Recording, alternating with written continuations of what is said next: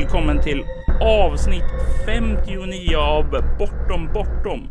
En podcast om rollspel i allmänhet och Bortom och Leviathan i synnerhet.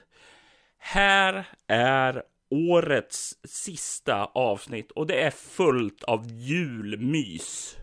Eller kanske inte så mycket julmys när man kollar hur osnöigt oh, eh, det är utanför mig. Men jag hoppas att ni alla kommer att få en trevlig jul.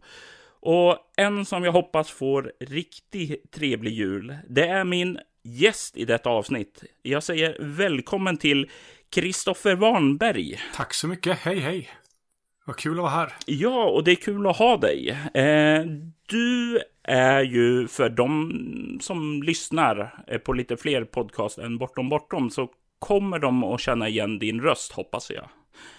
Och din röst cirkulerar ju i en eh, Actual Play-podd som heter Svartviken rollspelspodd. Det stämmer. Eh, om du kort bara skulle slänga ut, vad, vilka är ni? Vi är ett gäng, från, eh, ett gäng rollspelare från västkusten som började spela för ungefär ett år sedan och sen bestämde vi oss för att, nej men, fan, det kanske finns folk som tycker att vi spelar på ett intressant sätt så vi började väl spela in det och släppa det. Och det tyckte jag ju förstås att eh, ni gjorde helt rätt i. Ja, vad kul att höra. Om man skulle ställa de här vanliga frågorna till dig, eh, när, var, hur och varför eh, blev du rollspelare, Kristoffer? Jag funderar på det här nu under dagen och jag är lite osäker. Eh, jag tror det var någon gång i gymnasiet. Eh, där någonstans i alla fall. Jag hade aldrig spelat rollspel innan så jag vet, jag har ingen aning om varför jag faktiskt köpte mitt första rollspel. Men mitt första blev E.ON 3, eh, inköpt från en nätbutik någonstans. Oh. Och det satte jag mig och två eller tre kompisar ner och spelade. Ingen hade spelat tidigare. Ingen visste riktigt vad rollspel var och jag skulle spelleda. Det blev inte succé. Kan man säga.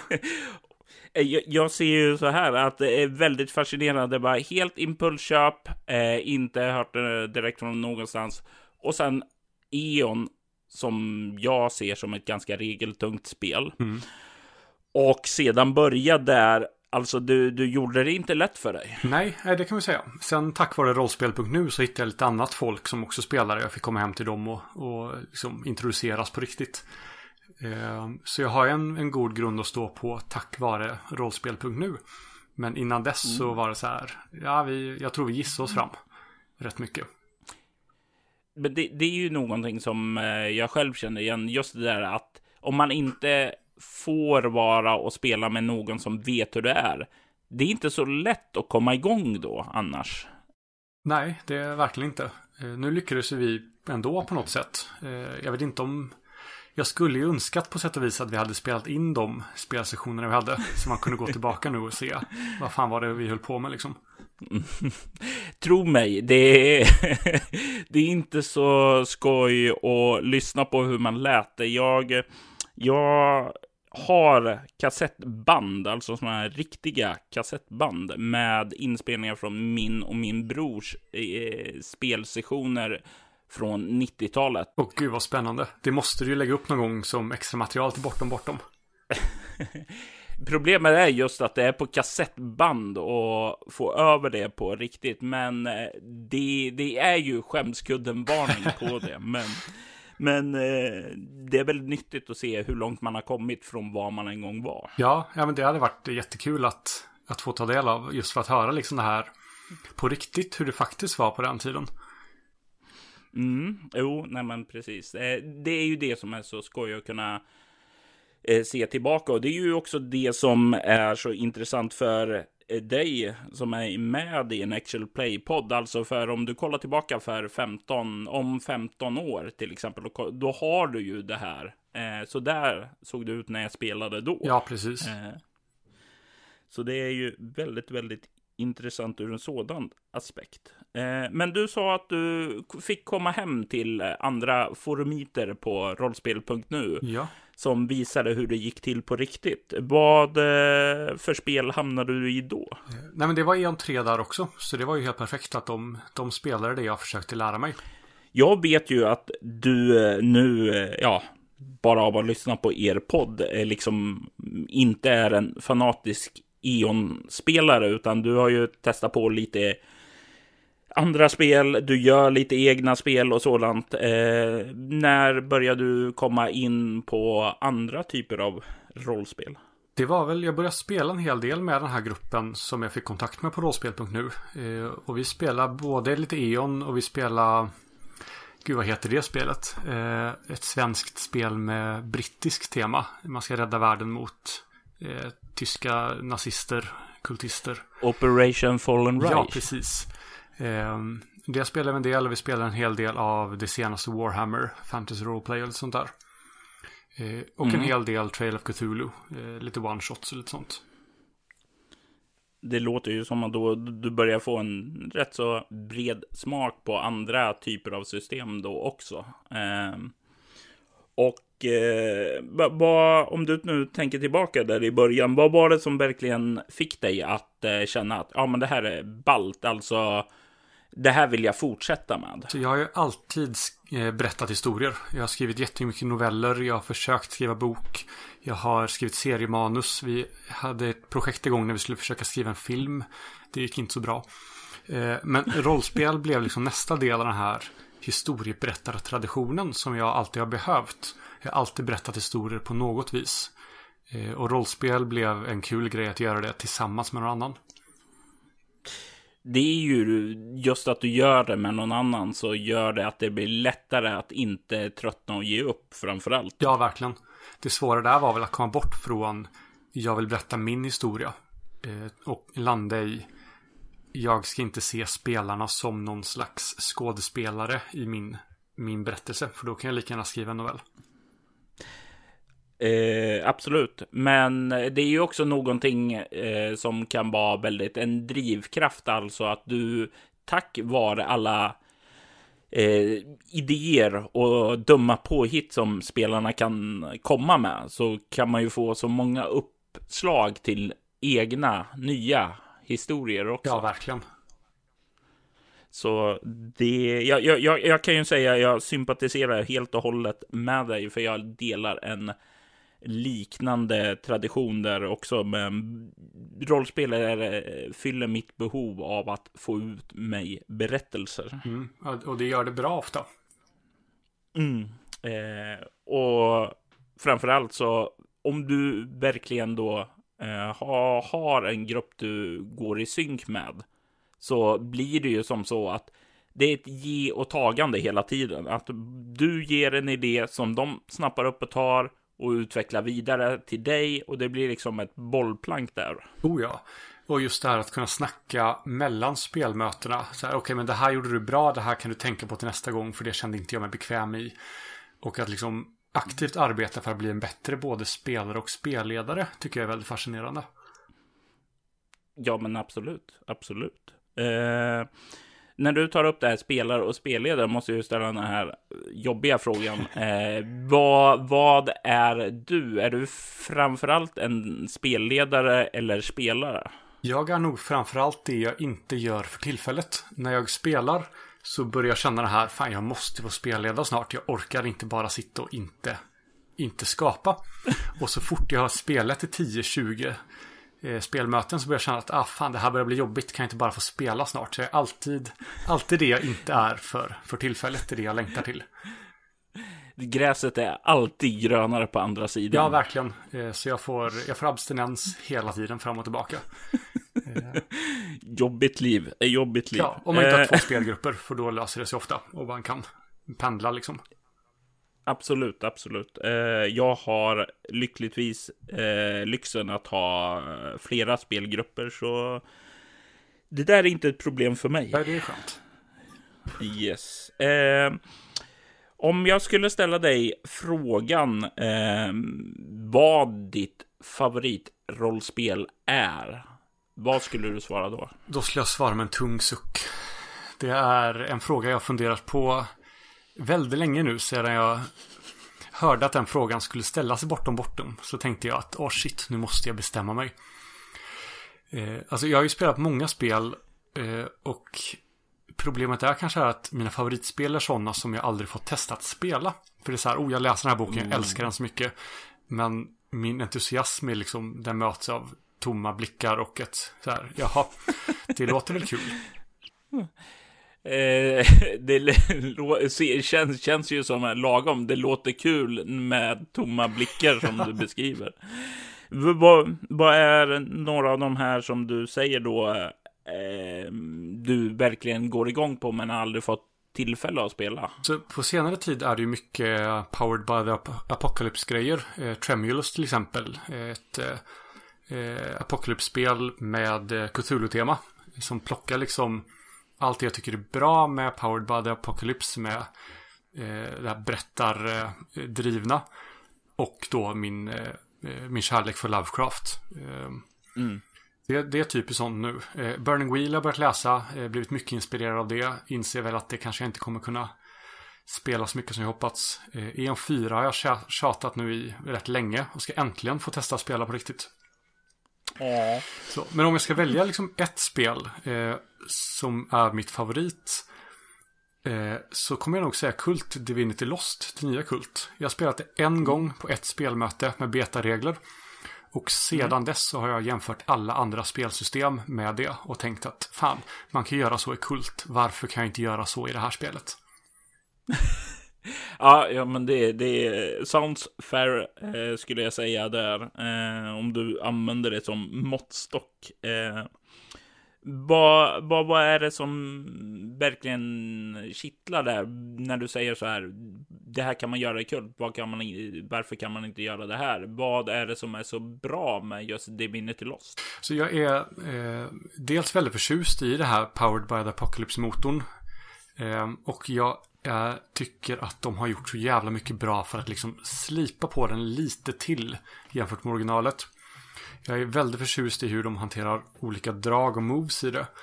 Eh, och hur det man som eh, spelare ändå har liksom eh, möjligheten att ställa frågor till spelledaren på ett sätt som man inte har sett tidigare. Eh, du läser av en person och du får möjlighet att ställa ett antal frågor om den här personens agenda eller inställning eller vad den eh, har för planer. Eh, och det, jag vet inte, det är bara någonting som klaffar för mig. Eh, svårt att sätta ord på. Mm. Eh, bara, för du nämnde ju många spel som du går igång på har just det här powered by the Apocalypse. Eh, vad, vad är det som är så bra med just det systemet? Eh, skulle du kunna pitcha in det till en spelare som mig som till exempel aldrig har haft någon form av kontakt med det? Jag tror att mycket handlar om, eh, om spelardriv och att det är samberättande på ett sätt som jag inte hade upplevt innan jag kom i kontakt med det. Det är mm. liksom, det är inte massor av olika skills och färdigheter och attribut utan det har mer du är bra på att agera inom en viss situation. Du är bra på att agera under press. Vad det är du gör under press är irrelevant. Du är bra på att läsa av en person. Hur du gör det är irrelevant. Eh, så allting mm. är liksom, du har en situation, du är bra på att agera i den här situationen. Och sen handlingarna du utför är helt narrativa. Och mm. det är mm. mycket sådana småsaker att det ligger liksom, eh, det är så narrativt fokuserat. Och sen älskar jag också framförallt i Kult då att de har tagit bort stridssystemet. Eh, spelledaren delar i princip ut vem som ska agera och så får man hoppas att det blir bra. Och det blir sånt jävla flöde i striderna. Eh, jämfört med så här, nu, nu ska vi se, nu agerade du sist. Då ska vi se, då har du 13 initiativ där. Nej, så du hade 14, ja men då agerar du före. Alltså det drivet, det finns ju inget där. Intressant, för eh, det, jag, jag, är med i en rollspelscirkel på ABF eh, här i Örebro. Och vi diskuterar just det här med att få tempo och flöde i strider just för den här situationen som du berättar att man det blir så lätt att man fastnar. Ja, vad du initiativ och sådant. Eh, och eh, det låter ju definitivt som det här har ett naturligt inbyggt motverkan mot det. Att du slipper eh, bli bogged down av alla de här reglerna utan bara kan fokusera på skapa flöde och tempo. Ja, och risken där är ju då att om man har SL som inte är så bra på att ge eh, ge alla spelare eh, plats så kan det bli att någon sitter och är tyst för att det är aldrig dens tur. Utan måste ha en SL då som faktiskt kan det här. När är det dramatiskt korrekt för en viss rollperson att komma in och agera? Eh, Yes. Och det kan vara svårt. Vi testar ju att använda ett liknande system nu i The Laundry-kampanjen i Svartviken. Där vi, bara, vi tog bort i princip alla stridsregler och vi bara slog färdighetsslag där det var passande. Jag tror det gick rätt bra. Men det är ju väldigt svårt att balansera. Det kändes aldrig som, eh, som lyssnare säger då, att det, det kändes aldrig som det var väldigt ofördelaktigt eh, fördelat. Nej, utan kul det kändes som det var jämnfördelat. Eh, vad var det du spelade senast? Ja, igår spelade vi näst sista spelmötet med MUTANT Genlab Alpha. Så nu har vi ett spelmöte kvar där och sen tar jag över spelledarrollen igen till E.ON 4. Eh, det, det är... Eh, det är ju, vad heter det, alltid någonting fantastiskt eh, att få avsluta en kampanj. Ja, det är underbart när de inte rinner ut i sanden. Oh, ja.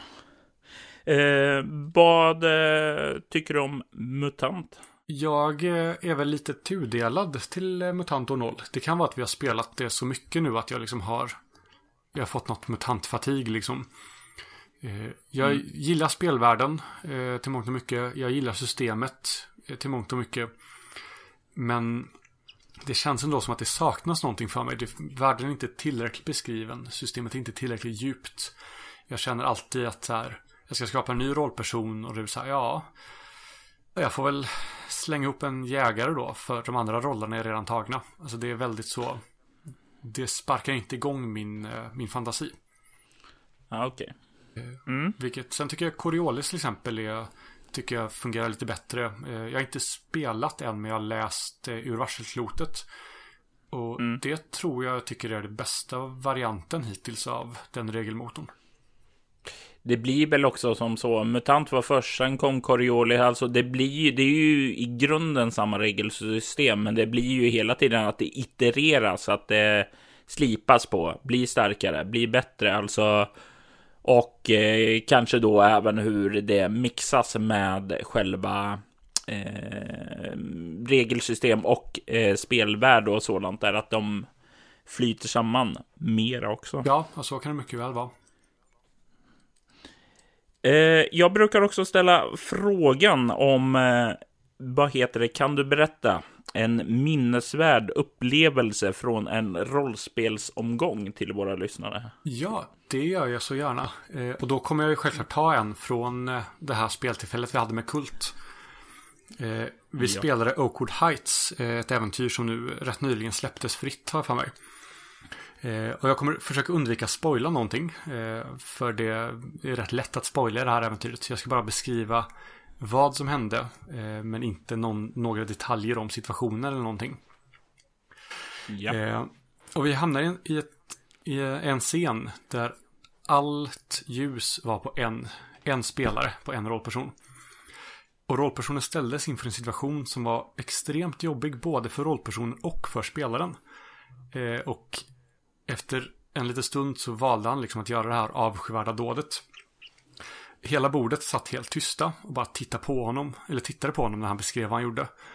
Och omedvetet så börjar han gå från att beskriva scenen i första person till tredje person. Eh, troligtvis för att distansera sig från vad rollpersonen gjorde. Eh, och alla liksom satt och bara var så här helt tysta och helt så här. Vi bara stirrade. Eh, det var en väldigt mäktig scen och extremt obehaglig på sånt sätt som man hoppas att Kult ska vara. Eh, jag vet att åtminstone den spelaren eh, och även jag, vi hade lite svårt att sova på natten för det var så här, det gnagde liksom i, i bakhuvudet på oss. Och det, alltså det är nog den, den enskilt bästa spelmötet jag har spelat. Och den scenen var liksom crescendot. Eh, så det, ja, det var, det var Ja, mäktigt. Alla rollspelsomgångar som har någonting som gör att man får svårt att sova är fantastiska. Ja, verkligen. Så länge det är av rätt anledning. Ja, eh, jag utgår ifrån det. Det är ju det finns så många dåliga saker också som skulle kunna hända, men det hoppas vi på att ingen av våra lyssnare utsätter sina spelare för här. Eh, fingerkänsla, eh, som sagt var. Eh, men då tror jag att vi känner dig lite, Kristoffer. Mm. Och eh, då tycker jag vi hoppar, tillbaka, hoppar över till nästa sektion och börjar diskutera avsnittets tema.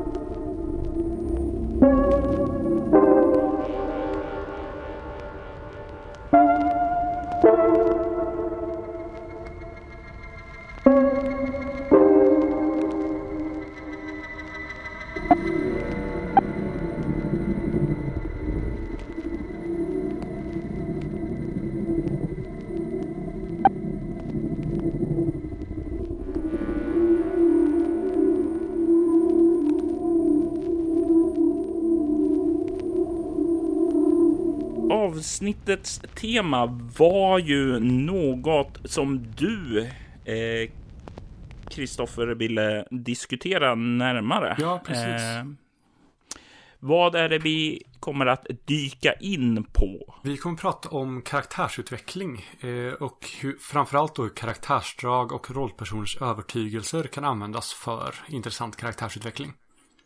Mm. Eh, och jag, jag, slängde ut lite här inför eh, själva avsnittet och eh, berättade vad vi skulle snacka om. Och vi fick en lyssnarfråga från Peter Larsson som bad oss att diskutera gärna skillnaden om ni ser någon mellan karaktärsutveckling och karaktärsfördjupning. Mm, jättebra fråga. Eh, vill du börja, Kristoffer? Det kan jag göra. Eh, och det här var någonting som jag själv inte har tänkt på någonting innan jag läste frågan. Men som jag nu har funderat lite på och försökt liksom sätta fingret på det. Och jag tycker det finns en viktig skillnad. Eh, jag tycker att karaktärsfördjupning handlar om att fokusera på ett, en viss eh, övertygelse eller karaktärsblad, eh, karaktärsdrag. Och se nya sidor av den.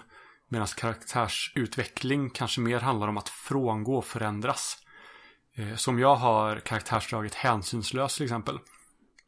Mm. Så skulle karaktärsfördjupning vara att jag utforskar den sidan och försökte svara på frågan på vilka sätt eh, är jag hänsynslös och hur visar det sig?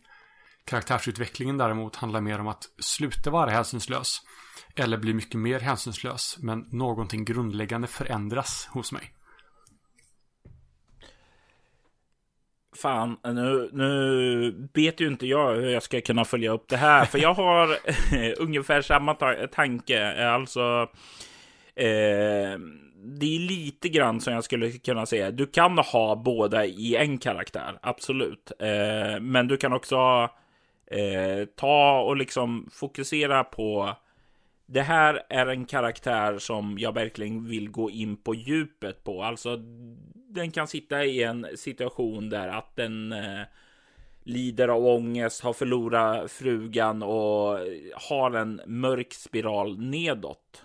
Eh, I en karaktärs, om du liksom vill ägna dig åt en karaktärsfördjupning, då, då, då skulle jag säga, då, då kanske du verkligen vill eh, gå ner, följa med hela spiralen nedåt. Eh, liksom bara frossa i det här hemska som karaktären lider av då. Det kan ju vara något positivt också, men ärligt talat, hur skoj är det att frossa i någonting glatt och positivt? eh, utveckling däremot, alltså då kanske man börjar den här resan ned, men egentligen är det inte, vad heter det, huvudmålet att eh, vad heter det, man, man vill inte ner till botten, utan man vill ha det som en startpunkt för att komma någon helt annanstans. Eh, och det här är ju någonting som jag, jag, jag ser det som att eh, när jag skapar en karaktär, eh, oavsett om det är en eh, som spelare eller som berättare, så ser jag framför mig att det, den, den har sin egen personliga story arc. Alltså att den ska någonstans. Det är inte stå och stampa på samma ställe hela tiden. För då blir det en väldigt statisk karaktär. Och statiska karaktärer är väldigt tråkiga. Ja, verkligen.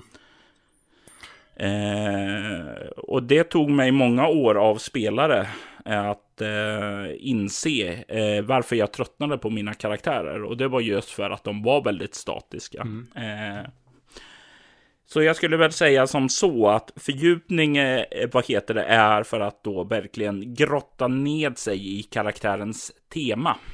Medan utvecklingen mera att eh, ta karaktären på en resa. Mm. Och eh, odla många olika facetter av den. Det är en jättebra sammanfattning verkligen. Mm. Eh, Yes, så vi hoppas att du Peter får lite, eh, bli lite klokare på vad vi eh, svarade på det.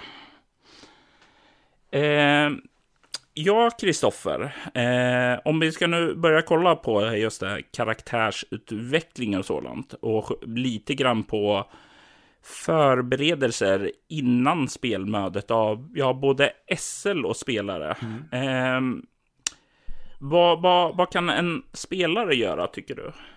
Jag tror att det viktigaste där är att eh, jag först var, var villig att vilja utveckla och förändra sin karaktär såklart.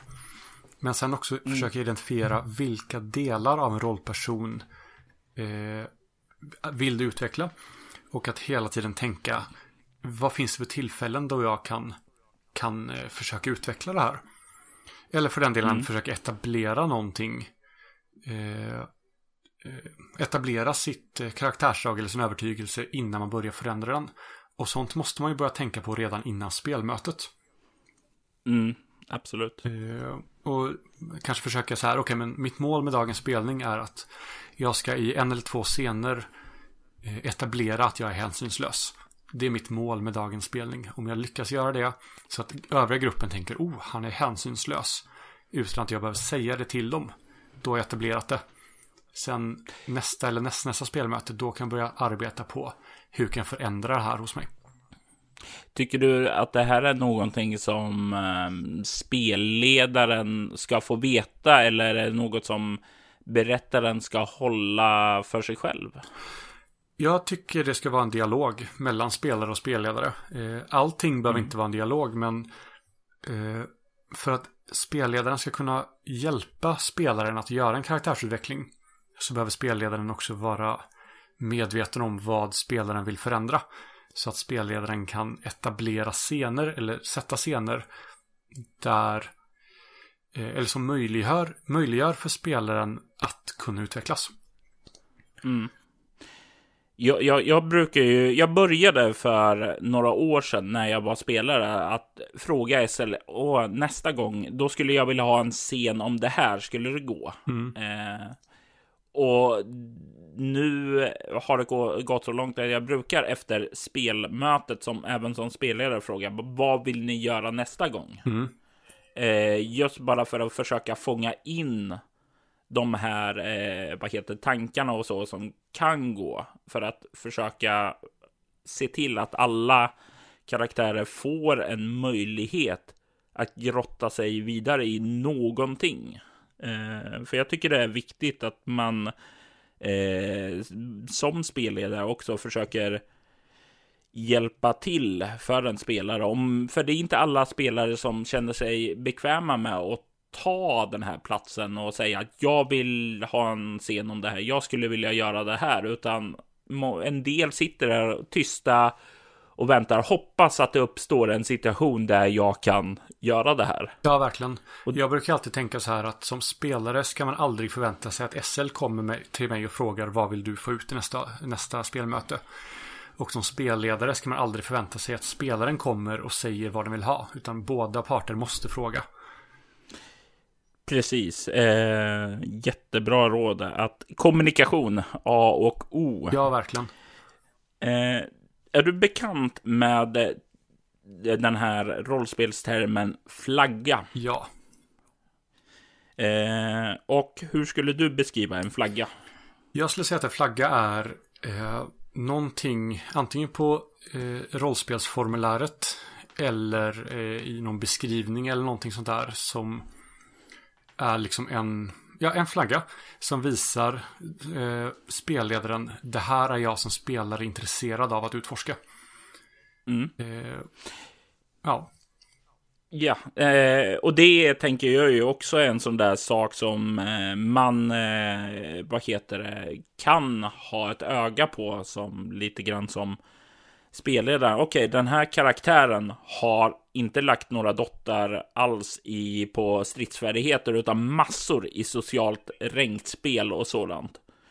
Okej, okay, då kanske det visar på att det här är en person som är intresserad av att få eh, ta del av lite sådant, så då kanske man inte planerar bara massa kombat. Nej, precis. Sen tycker jag ju att eh, nästan allting på rollformuläret förutom statsen är intressantast. Absolut. Eh, så man har gärna bakgrund, gärna övertygelser, instinkter, allt, alla frifält så att säga där du får skriva vad du vill. Det är där jag kollar i första hand. Eh, just mm. för att få de här okej, okay, men vad, vad ska jag utmana eller vilken situation ska jag sätta eh, rollpersoner mm. i? Sen stats är viktigt så sätt att okej, okay, men det finns inga, ingen i gruppen har stridsfärdigheter här, jag kanske inte ska ha en strid till exempel. Mm. En annan som, sak som är bra som inte brukar dyka upp och det är ju inte alla, men en del spelare skriver bakgrundshistorier. Och det är ju någonting som verkligen, verkligen är rikt på information att eh, vad heter arbeta vidare för karaktärsutveckling. Eh, kan kolla på vad heter det, vad personen, hur personen var förr i tiden, eh, vad den har genomgått där, hur den har förändrats där. Och som spelledare går det ju också att ta vidare momentum in i kampanjen. Och som spelare så har du ju planterat väldigt mycket av din personlighet där också redan innan spelmötet. Ja, ja verkligen. Det viktiga att tänka på där är att ha en, en bakgrund som faktiskt går att använda. Eh, vissa bakgrunder blir så här, jag har själv skrivit massor av sådana. Bakgrunden är innan spelmötet, första spelmötet. Och sen så har den ingen betydelse alls från första spelmötet och framåt. Så det gäller också Vad, att hitta saker i bakgrunden som man liksom kan ta med sig in i, i framtiden så att säga. Vad, vad, skulle du säga är en dålig bakgrund då? Vad gör den oanvändbar? Eh, ja, vad ska man ta för exempel? Jag kanske hade en fiende en gång i tiden, en mäktig riddare. Eh, jag dräpte denna och alla som stod på hans sida. Nu har jag inga fiender längre. Alltså, det finns ingenting att ta med sig in där. Eh, om man istället säger, okej, okay, jag hade en mäktig fiende, jag besegrade denna. Eller jag dödade någon som den höll kär. Då finns fienden kvar och den kan liksom komma tillbaka, den kan inkorporeras. Ehm, så det måste finnas trådar kvar i allting för att de ska kunna komma tillbaka. De kan komma tillbaka från andra sidan graven och sli... Nej, äh, det är möjligt. All, all, äh, det, det, är ju som du säger, alltså vad heter det, en dålig bakgrund är ju en sån som knyter ihop alla trådar. Mm. Absolut allt. En bra bakgrund är ju att den ska lämna en del öppna saker att eh, det, slita in och väva vidare på. Eh, det är ju, vi talar ju lite grann det här tidigare att Eh, spelaren eh, ger en sak, eh, spelledaren tar tillbaka och bollar tillbaka och då får man det här bollplanket att det utvecklar sig till någonting mer än bara en text som man skrev. Ja, precis. Det måste ju bli mer än, än ett A4 som spelledaren kanske orkar läsa. Mm. Eh, jag har fått bakgrundshistoria på 40 sidor. det borde nästan bestraffas snarare än belönas. Ja, ja, jag gillar det. Jag gillar engagemanget, eh, så jag brukar ändå belöna det. Eh, kanske också för att jag varit skyldig till att skriva sådana också. Ja. Okay. Ja. Eh, eh, men som sagt var, bra tips. Lämna öppet. Eh, se till att saker och ting går att använda.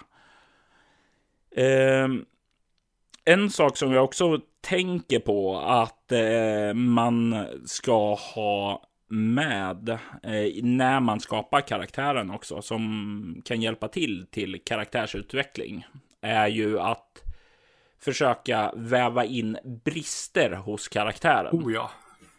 Eh, för det är som sagt jag brukar så här, när jag snabbt skapar en SLP så är det tre saker, eller två saker som jag tänker på. Drivkraft för den här personen och tre karaktärsdrag. Mm. Och karaktärsdragen ska vara två positiva och en negativ. Eller två negativa och en positiv. Det är en bra grundregel. Då, då har man fångat in det här att du får det lite dynamiskt. Du är inte snäll, givmild och beskyddande. Mm. Hur skoj blir karaktären då? Du kan vara snäll, beskyddande och girig. Mm. Ja, verkligen. Då har du genast direkt någonting mer att arbeta med. Och då får du också en dynamik där som gör att karaktären har möjlighet att utvecklas. Mm. Jag brukar ju nu för tiden när jag gör rollpersoner så brukar jag skapa ett karaktärsdrag eller en övertygelse som jag aktivt har som mål att arbeta bort. Mm. Eh, till exempel så har jag Amadeus eh, i min eh, feta ansvarslösa elaka padda eh, som är en dålig tolkning av GW Persson i Genlab Alpha. eh, som liksom, hela hans syfte var att han ska lära sig att ta ansvar. Han ska lära sig att lära sig, eller tycka om andra personer. Och han, eh, han pratar lite, lite så här. Och eh, ja, är en väldigt, väldigt otrevlig eh, kravat som ingen riktigt tycker om. Men han, ja, han följer med ändå. Så hela tanken där var, okej, okay, här är en person som jag vill förändra. Kör. Mm. Och det här är ju också ett eh, sak vi kommer in på, att det är skillnad mellan vad karaktären vill och vad man som spelare vill också. Ja. För jag tänker mig, du sitter ju inte där Amadeus tänker att jag ska börja lära att gilla människor, utan det är ju Kristoffer som vill att Amadeus ska lära sig att gilla människor. Ja, precis. Jag bad ju SL där explicit om tvinga Amadeus ta hand om sin, sin dotter. Som han har varit mm. negligerat hela livet. Liksom. Tvinga honom, sätta sätt honom i en situation där han måste ta ansvar. Eh, där han inte har något val. För mm. att då kommer han liksom, han kommer inte vilja göra det, men han måste göra det. Det kommer leda till att han lär sig tycka om någon och lär sig ta ansvar. Nu blev det inte riktigt så, eh, utan jag blev mer av en skurk eh, när jag kidnappade min dotter från min ovilliga fru. Men det är en historia från en annan podd. Snälla, säg att det här är en Svartviken-podd in the making. Nej, så att vi får... tyvärr inte. Fuck. Det är min Borås spelgrupp. Eh, tyvärr. aj, aj, aj. Eh, hade varit briljant att lyssna på. Eh, yes. Eh, har vi något mer som vi som spelare eh, kan tänka på när vi eh, bygger karaktären inför en och, och, få en utveckling för den? Det här är någonting som jag vet att vissa spelare liksom eh, tycker är ett stort Eh, som de verkligen inte vill göra. Men jag är väldigt för här, planerad karaktärsutveckling, gärna tillsammans med en annan spelare. Det är helt okej okay att mm. våra rollpersoner är ovänner. Och att båda vi har som mål att okej, okay, men våra rollpersoner ska lära sig tycka om varandra. Yeah. Det är liksom okej. Okay. Det tar inte bort någonting i min mening från berättelsen. Sen kanske vi inte ska gå in och säga, okej, okay, ja, men i nästa spelmöte då, om jag säger det här så kan du svara så och sådär. Det är liksom, nej, gör inte så. Men att gemensamt när vi hamnar i en scen så då och då gör någonting för den andra rollpersonen. Och till slut så kommer ni liksom lära er acceptera och tycka om varandra. Det blir en bra historia och den är inte fabrikerad, mm. tycker inte jag. Nej. Eh, det, nu slår det mig här när du tänker att eh, det finns ett eh, rollspel som heter Cypher System. Eh, började med Numenara och eh, kom sedan ett rollspel som hette The Strange som också använde det här regelsystemet. Och det blev så populärt att det fick ett egen grundregelbok med det här regelsystemet som kan användas till olika system. Mm. Och vi eh, gjorde karaktärer. Det eh, var en av få gånger som jag faktiskt spelade. Och eh, alla gör karaktärer och man väljer olika drag och sådant. Och en av de här valen man gör formar karaktärens yrke och personlighet och allting sådant där. Och då finns det där invävt att du får välja eller slå på en slumptabell. Mm. Hur relationen är till någon annan i gruppen. Mm. Och eh, det kan stå här att du, du försökte råna den här personen men du blev övermannad och eh, blev till slut en del av gruppen. Eller du är släkting till den här eller du är hemligt förälskad i personen och så vidare och så vidare. Och det blir liksom så här en grund för att skapa en relation mellan de olika karaktärerna så att man får ett skäl att hålla tillsammans. Mm. Och det här fungerar väldigt bra som, tycker jag, som en diskussionspunkt att skapa en relation med en eh, karaktär. Eh, och jag minns själv från den där kampanjen där jag spelade en form av tidsresenär som kom från universums slut där allting höll på att gå under.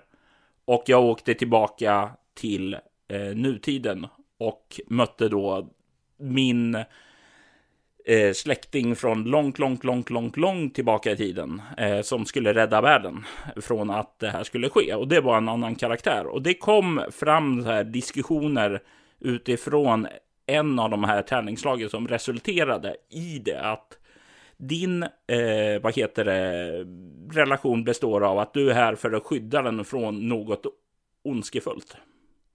Och det är liksom allt det här backstoryn till min karaktär också. Det blomstrade upp en, hela den här plotten uti bara ifrån relationen när man hade till varandra.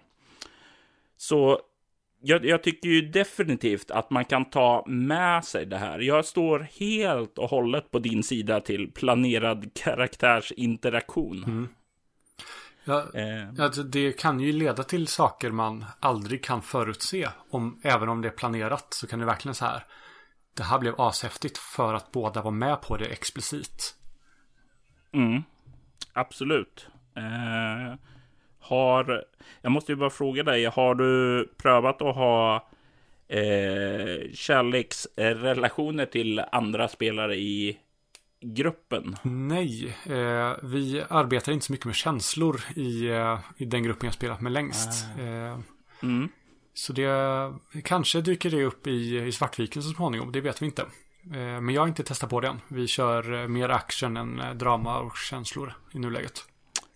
Ja, ja, nej, då kanske det blir svårare. Jag brukar försöka få in känslor och eh, Eh, det är någonting jag känner också är saker och ting som kan berika en krönika när det har ett bond mellan karaktärerna också. Ja, och det är ju en sak. Eh, jag avgudar ju Podcons, eh, Podcons karaktärer eller rollpersoner av den anledningen att alla känns så extremt mänskliga och empatiska. Att de vågar liksom bry sig om varandra på sätt som jag aldrig hört tidigare i rollspel. Och det är mm. liksom så här, de är eh, målet jag strävar efter att uppnå när det kommer till liksom den här känslomässiga interaktionen. Mm. Det är, ja det är fantastiskt. Ja, och eh, jag tänker att så, vi till inlägget som det här eh, avsnittet publiceras så slänger jag in en länk till Podcon också så kan ni lyssna lite mer på vad det som är så fantastiskt enligt Kristoffer. Ja, det tycker jag verkligen ni ska göra. Vi var ju inne lite på eh, om spelledaren också tidigare för att hjälpa spelaren om vad den bör göra och sådant. Eh, Jo, jag, jag, säger som så att som spelledare har vi ju flaggorna som vi talade om innan som ett verktyg. Definitivt för att uppmärksamma och hjälpa till och utveckla. Mm. Och vi har även talat om att man kan ställa frågor och sådant. Eh, ha kommunikation med spelarna också som ett medel. Har du några andra tips på vad vi som spelledare kan göra för att eh, utsätta våra karaktärer för sju sorters synder som ger dem en eh, långsam plåga. Eller? eh, inte så mycket av den sorten. Men eh, jag är ju väldigt mycket för att utmana rollpersonernas karaktärsdrag och övertygelser. Det är liksom, eh, jag tvingar numera alla mina, roll, alla mina spelare att ha en övertygelse om, eh, om världen för sina rollpersoner. Oavsett om det finns med i spelet eller inte. Eh, just för att Mm. det är det bästa verktyget för mig som SL att skapa intressanta situationer. Eh, om en rollperson har övertygelsen, till exempel våld löser ingenting. Sätt den i en situation där våld är en rimlig och kanske en, en nödvändig lösning på situationen. Eller Dak är den enda guden. Sätter de en situation där eh, det är tveksamt om Dak är den enda guden. Eh, naturen är god. Sätter en situation där som får den att ifrågasätta om naturen faktiskt är god. Det skapar bra historier. Mm. Jättebra tips. Eh, och det får ju också då helt klart, genom att ha sådana här drivkrafter och sådant så hjälper ju även spelaren att ha möjlighet och utrymme för utveckling också. Ja, verkligen. Målet, Så det är ju tveeggat svärd. och målet är ju inte alltid att de ska så här eh, överge sina övertygelser. Bara ifrågasätta dem och reflektera kring dem. Och kanske ibland överge dem, kanske ibland gå därifrån med en starkt övertygelse.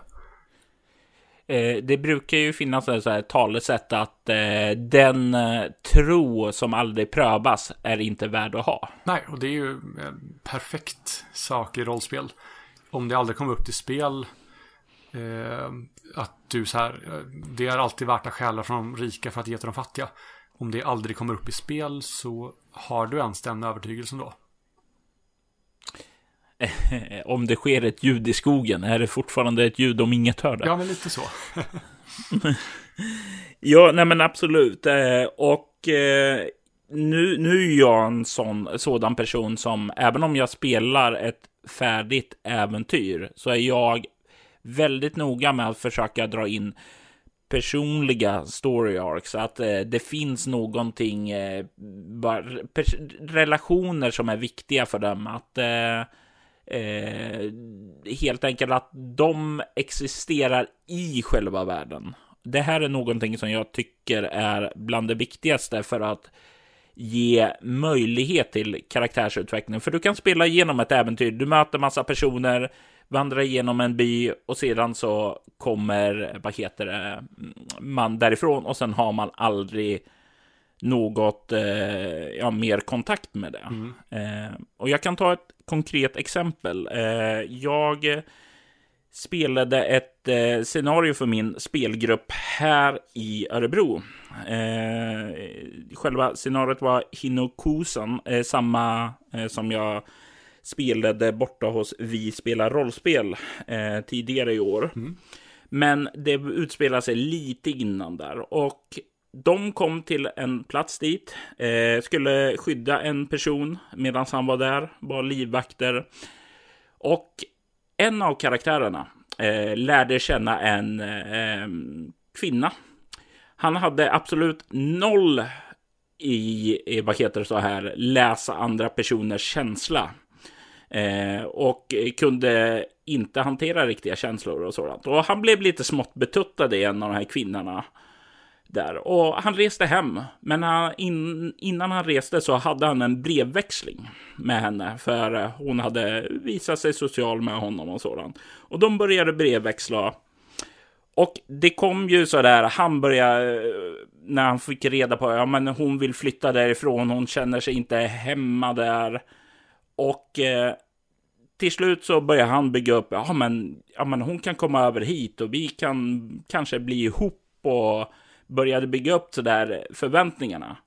Och sen så får han ett brev som säger, ja, eh, men du kanske kan introducera mig för eh, det är inte okej att vara homosexuell här i Japan, i min lilla bergsby.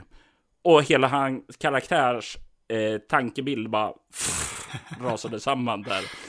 Eh, och det här var ingenting som var med som en del i scenariot, utan det, det var en liten social interaktion där som de hade, de hade mötts. Men de tog med därifrån att det var en relation som uppstod där och den lämnades inte bara där borta när de lämnade platsen, utan det togs med när de lämnade platsen. Och det är ju någonting som jag också tänker på att man som spelledare kan göra. tänk på spelledarpersoners motiv, drivkrafter också.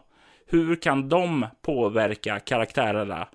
Eh, hur kan de skapa relationer? Hur kan de eh, dröja sig kvar längre än bara just stunden? Mm. Ja, det är en jättebra, jättebra tips verkligen.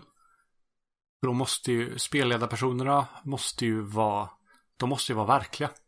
Och då måste de ju ha drivkrafter och karaktärsdrag, övertygelser, agendor. Absolut, och jag, jag, tror det är lättare att få till det här om verkligen eh, spelledarpersonerna är verkliga personer. Mm. Jag tror det är det som jag just nu har i sinnet. Har du något mer som du tycker du som spelledare kan hjälpa till för att få karaktärerna att utveckla sina karaktärer? Nej, inte vad jag kom på nu. Det är också en sån sak som kanske poppar upp igen senare. Mm. Eh, då tycker jag vi tar och börjar gräva oss djupare ned i vad heter det, rollpersonernas övertygelser och karaktärsdrag. Mm. Var började vi, Kristoffer? Så vi har ju gått igenom rätt mycket av det tidigare, men vi kan väl börja lite och diskutera vad är ett bra karaktärsdrag? Vad är en bra övertygelse? Bra användbar? Mm. Eh, för det krävs ju att det är av en sån sort att den kan utmanas på något vis. Kan den inte utmanas, kan den inte ställa till problem, så är den ju, eh, jag, jag kanske inte vill säga meningslös, men nästintill. Alltså det, det, det ska ju kunna skapa någon typ av drama tycker jag för att vara användbar och tillföra någonting. För eh, om den bara finns där och inte gör någonting, då är den ju överflödig. Ja, precis. Det måste kunna, spelledaren måste kunna sätta sig innan spelmötet och tänka okej, okay, nu ska jag skapa den här situationen som ställer den här rollpersonen inför ett svårt val. Eh, I The Laundry till exempel har vi ett jättebra exempel. Där hade vi inte mm. explicita övertygelser, för det var innan jag riktigt börjat tänka och arbeta med det här på lika mycket som jag har gjort nu. Men där har vi, hade vi en karaktär som heter Ben. Eh, och Ben tyckte det var väldigt viktigt att rädda världen och att inte massa oskyldiga människor dog eh, när man gjorde det. Mm. Och jag satte honom i en situation där han hade någonting som skurken ville ha. Eh, och skurken hotade att skjuta rakt in i en folksamling om inte han fick det här föremålet. Och jag såg verkligen hur Christer som spelar Ben plågades av det här beslutet. Ska han göra det som är bäst för gruppen, men då sätter oskyldiga i fara? Eller ska han låta sin övertygelse få förtur och ge det här föremålet till, eh, till skurken? Det här är ju en situation som jag vill understryka också, visa på varför det är så viktigt. För jag som lyssnare, när jag hörde, hörde den här scenen, så märks det verkligen våndan hos eh, Ben. Alltså det märks att det är inget enkelt val. Utan det är ju någonting som verkligen, verkligen rotar till personen. Och när det gör det, ja, det blir ju bra podd då förstås. Eh, men det är också bra rollspelsscen att verkligen känna den här kopplingen. Ja, och det, är det blir nästan intress alltid intressant både för spelgruppen och för spelaren. För spelaren tvingas förstå hur rollpersonen är funtad och vad som är viktigast för den. Även om mm. spelaren inte har tänkt på det tidigare. Mm. Absolut. Jag kan ju säga som så att när jag skapar eh, karaktärer eh, så försöker jag alltid ha ett mål med karaktären. Jag, jag, tycker det är. Det underlättar dels för mig som spelare att eh, veta exakt ja, vad, vad jag ska sätta igång och komma in i karaktären fort och sådant. Eh, har jag bara, okej, okay, det här är en person, det här är personligheten och nu kör vi. Ja, men då, då blir det liksom att jag börjar med att famla mig eh, runt. Har jag däremot att jag är ensam, Eh, jag vill ha en, eh, jag vill ha en partner. Eh, jag vill inte dö ensam, jag vill lämna efter mig någon minne. Så liksom då får man någonting konkret att börja och komma in i rollen också. Så jag brukar alltid försöka få in någon typ av övertygelse just, eller drivkraft är väl det jag brukar använda. Mm. Någonting som för min personlighet sam framåt. Och det är ju även någonting som jag försöker göra när jag skriver eh, scenarion också. Mm. Jag har ju nu försökt, vi kommer ju påbörja att spela Coriolis här med Svartviken eh, rätt snart. Mm. Och där har jag försökt gifta eh, min idé om övertygelse och instinkt med spelmekanik. På sätt jag inte gjort tidigare. Mm. Så där spelar jag nu en, en mystiker med mystiska krafter.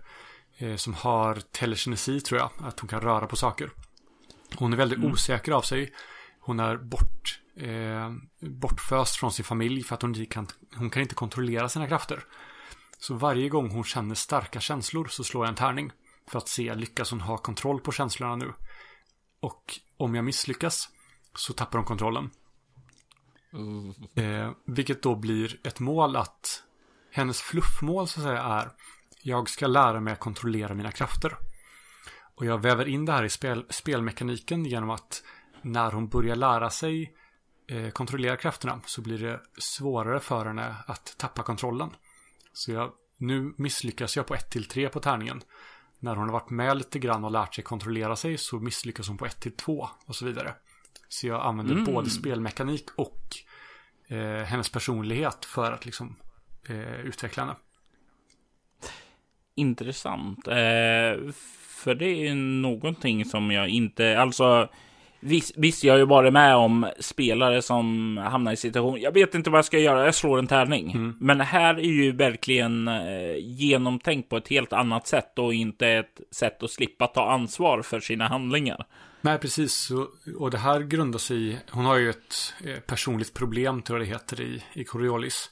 Mm. Som då är eh, oförmåga, oförmåga, oförmåga att kontrollera sina krafter. Mm. Och så har hon övertygelsen om att hennes handlingar ska inte skada någon oskyldig. Eh, och instinkten då är att så fort någonting farligt händer så är första instinkten att hålla känslorna i schack. Mm.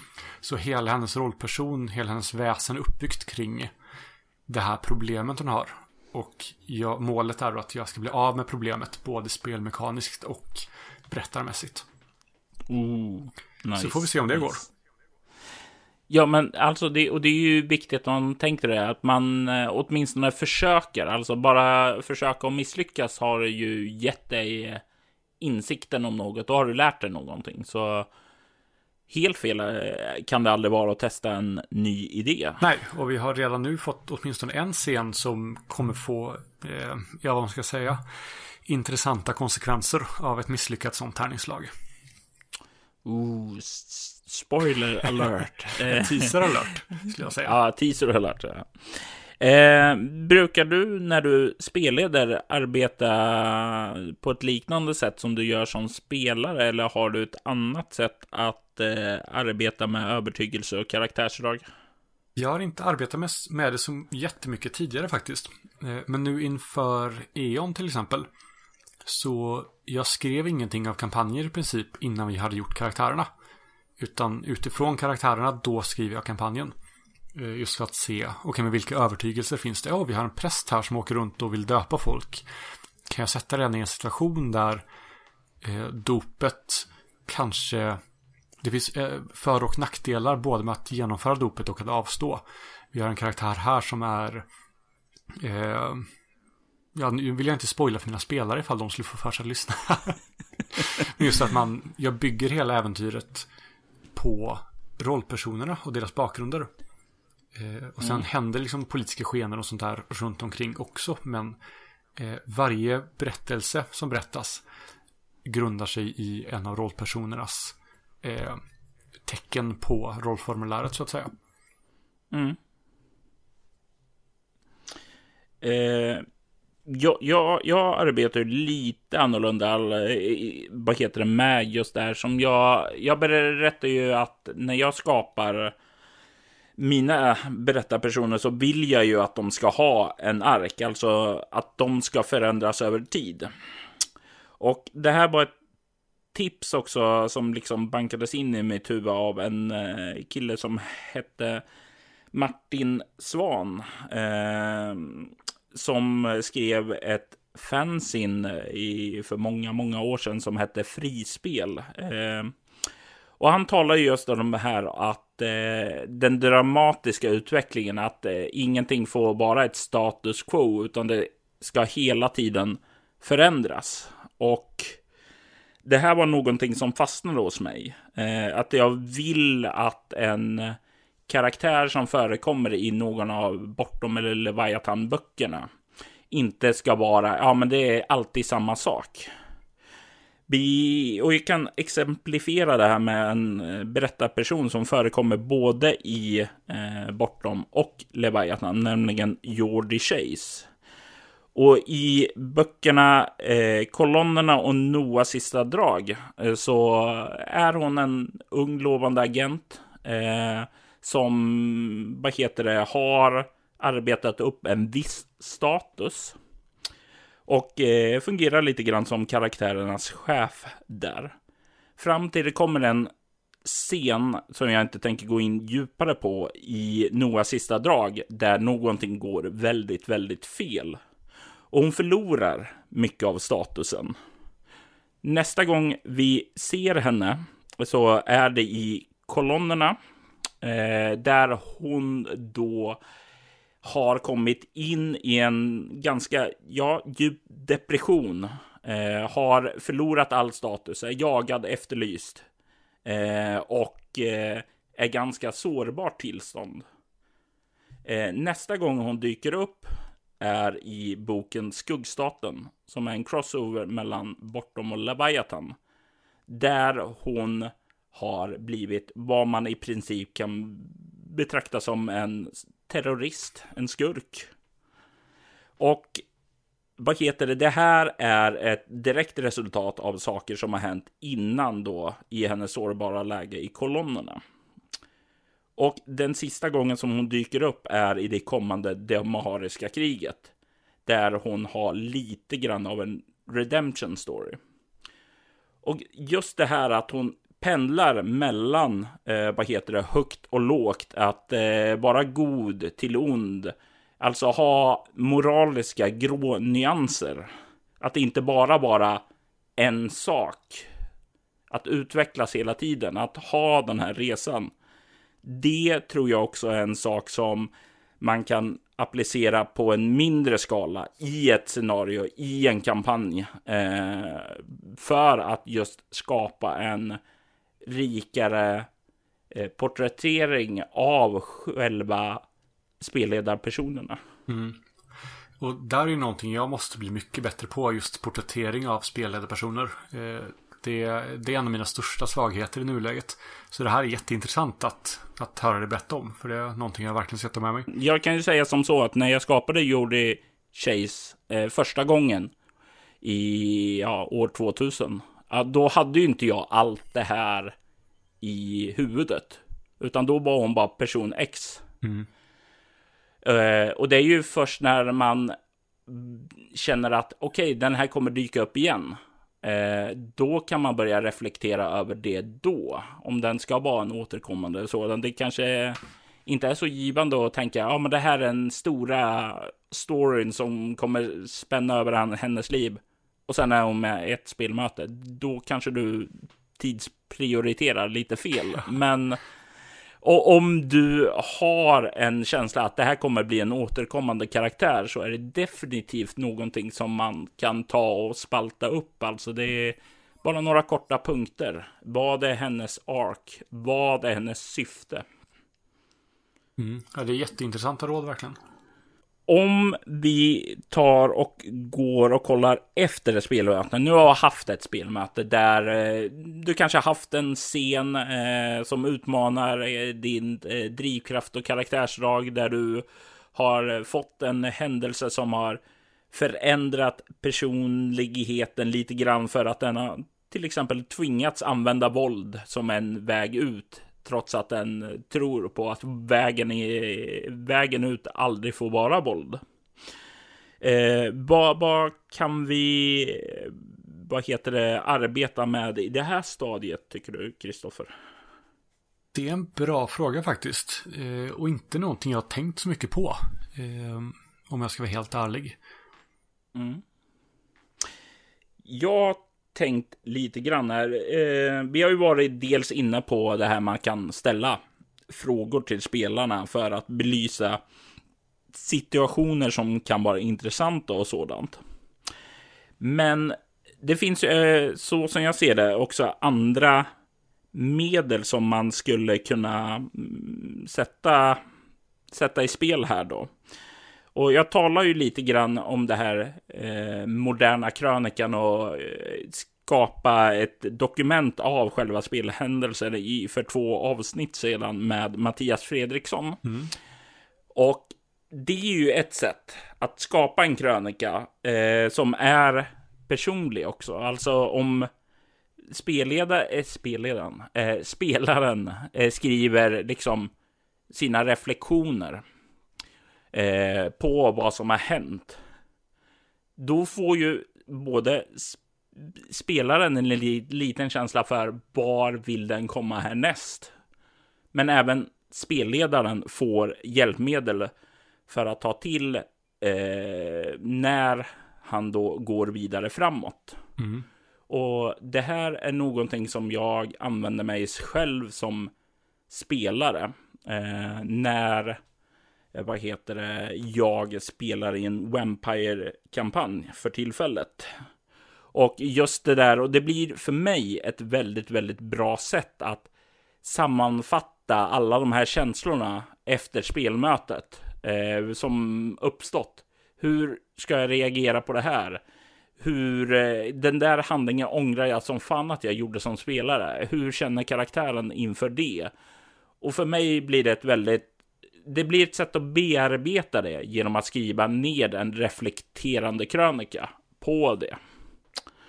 Och det här är någonting som eh, dessutom, ja, det blir ju uppmuntrat av spelledaren som delar ut XP till de spelare som gör det. Och det är även någonting som jag brukar göra till spelare som gör det till mig. Eh, så då, då, blir det lite grann att det uppmuntras mekaniskt också. Mm. Ja, det är jättebra. För det krävs ju ofta att man har eh, någon slags liksom belöning för att vilja lägga den tiden efter spelmötet också. Eh, Absolut. Sen kan ju karaktärsutveckling vara belöning nog, men kanske inte för, för alla.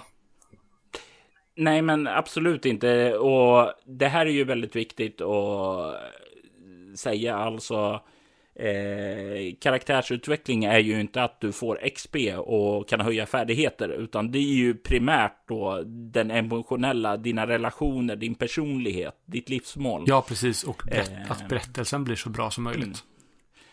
Mm. Eh, men det är ju, vi sitter ju i en situation där oftast är tiden som är den stora bristvaran i ens liv.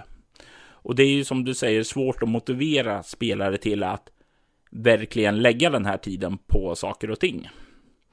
Och då kan, vad heter det, behöva en extra morot och göra det. Jag föredrar att ge morötter istället för att använda piskan. Mm. Ja, samma här.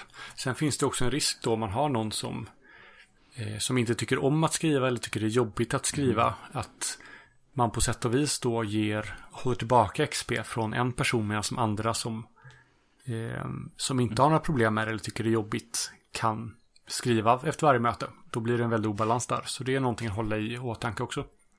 Det här är någonting som ju inte har gått eh, mig eh, förbi så att säga. Eh, nej, jag, jag, brukar som säga, sätta en gräns på hur mycket XP man kan få så att det inte springer iväg. Att eh, just att en inte har tid eller ork att skriva eller inte gillar att skriva. För det finns ju sådana också har jag hört. Och det, det är ju väldigt viktigt att inte de isoleras och hamnar utanför. Ehm, men det finns ju ett annat sätt också man kan hantera det här med karaktärsutvecklingen. Man kan ta något som heter solosessioner. Och det är ju något som också min spelare i den här Vampire-kampanjen gör. Vi har en spelare där som inte har tiden att skriva.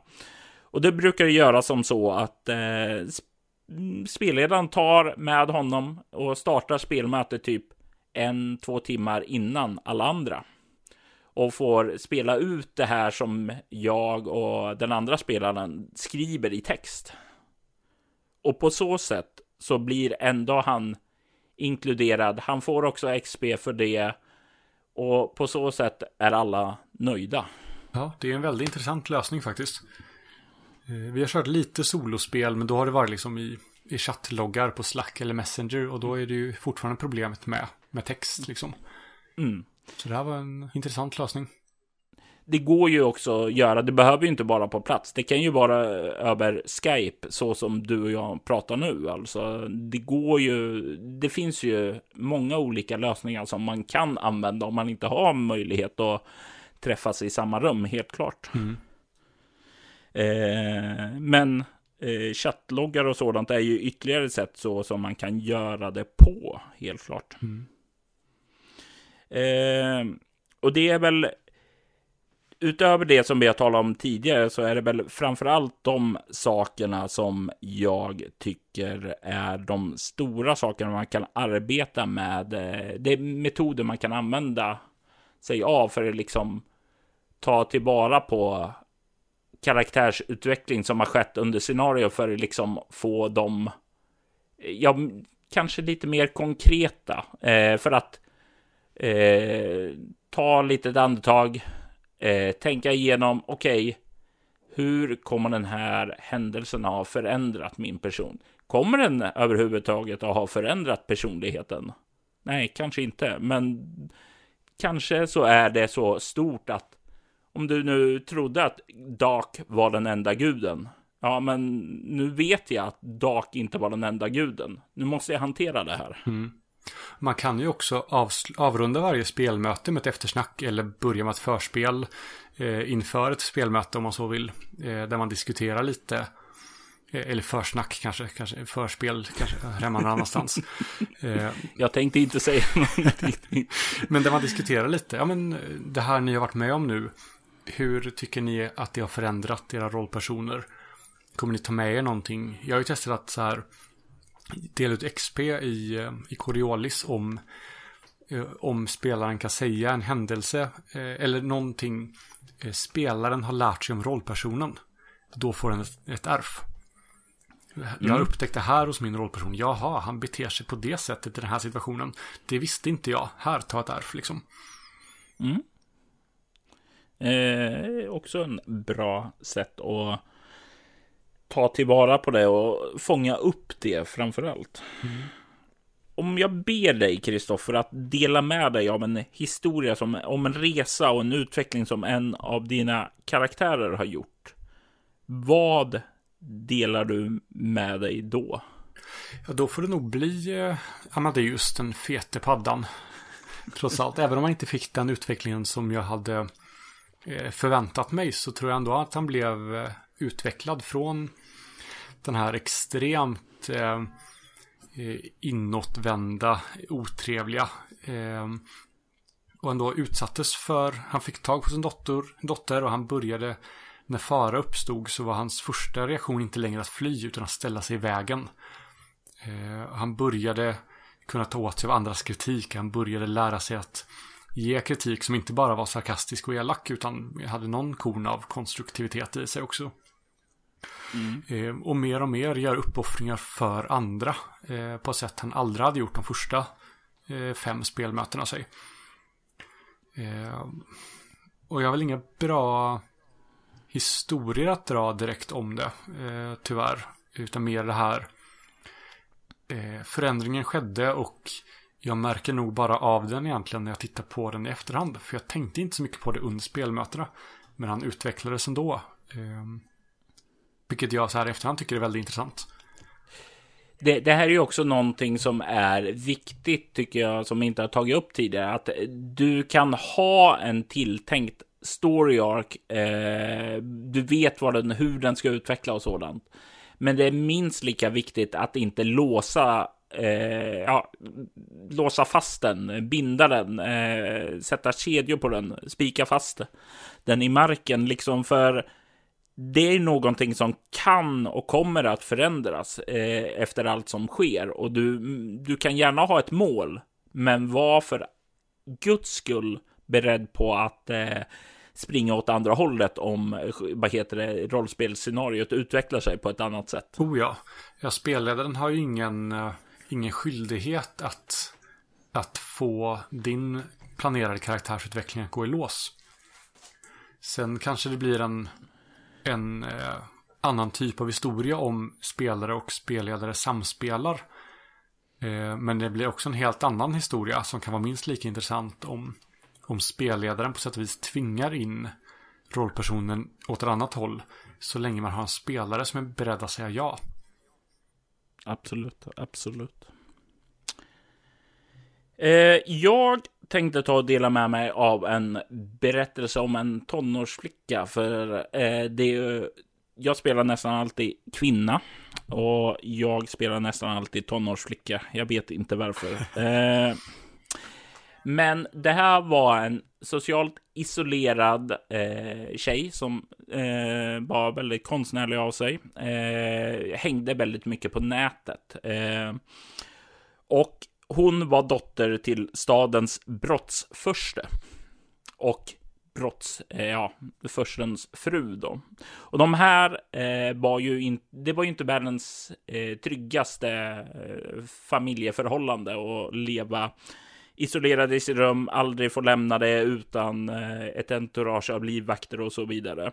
Och hon ville bara bort egentligen. Eh, men själva berättelsen började som sagt var, vi spelade över nätet då, eh, eller min karaktär mötte andra över nätet och de umgicks där tillsammans på i en VR-värld typ. Och det här var ju, sakta började hon att dras in i en kriminell konspiration och eh, sjuka drömmar. Och eh, ja, det fanns en galen nazist där också. Eh, och det här var alla saker som definitivt var, ja, det var mer farligt i eh, än att lämna hemmet egentligen. Och det öppnar ju hennes ögon. Och eh, det var ingenting som jag hade, eh, vad heter det, för karaktären i början. Jag hade inga mål med den, utan jag ville spela en socialt isolerad karaktär bara, som vill någonting mer. Och det blev så här till slut att hon ville socialisera med människor. Och hennes vilja blev ju då att, ja men jag vill bort härifrån. Jag vill ut, jag vill umgås med folk i min ålder. Och det här gjorde ju då eh, spelledaren väldigt bra. Han tänkte, ja, jag hör dig.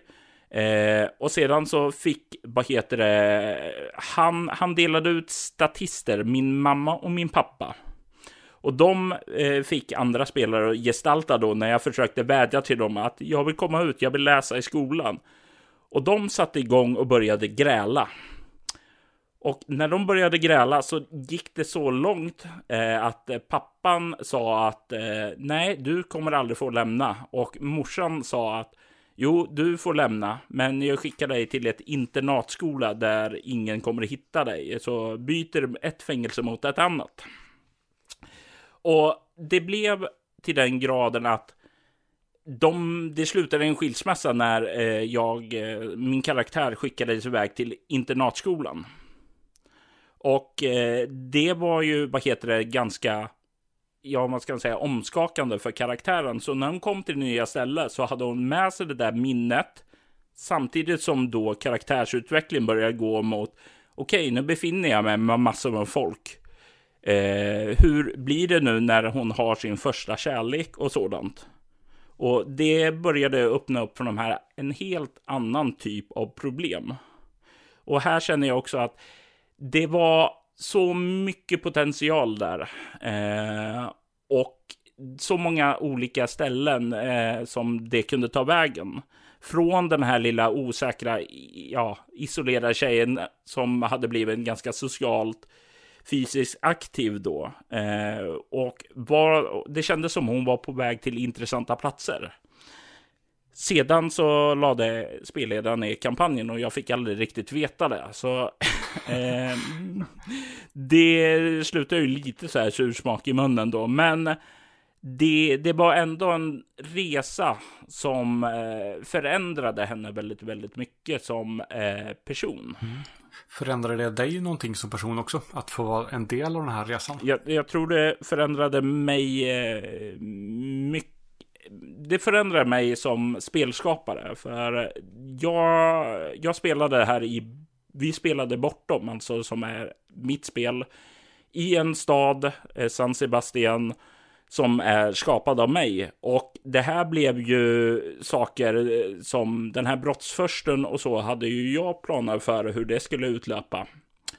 Sedan kom mina spelare som statister och förstörde hela mina tankar och eh, sådant där.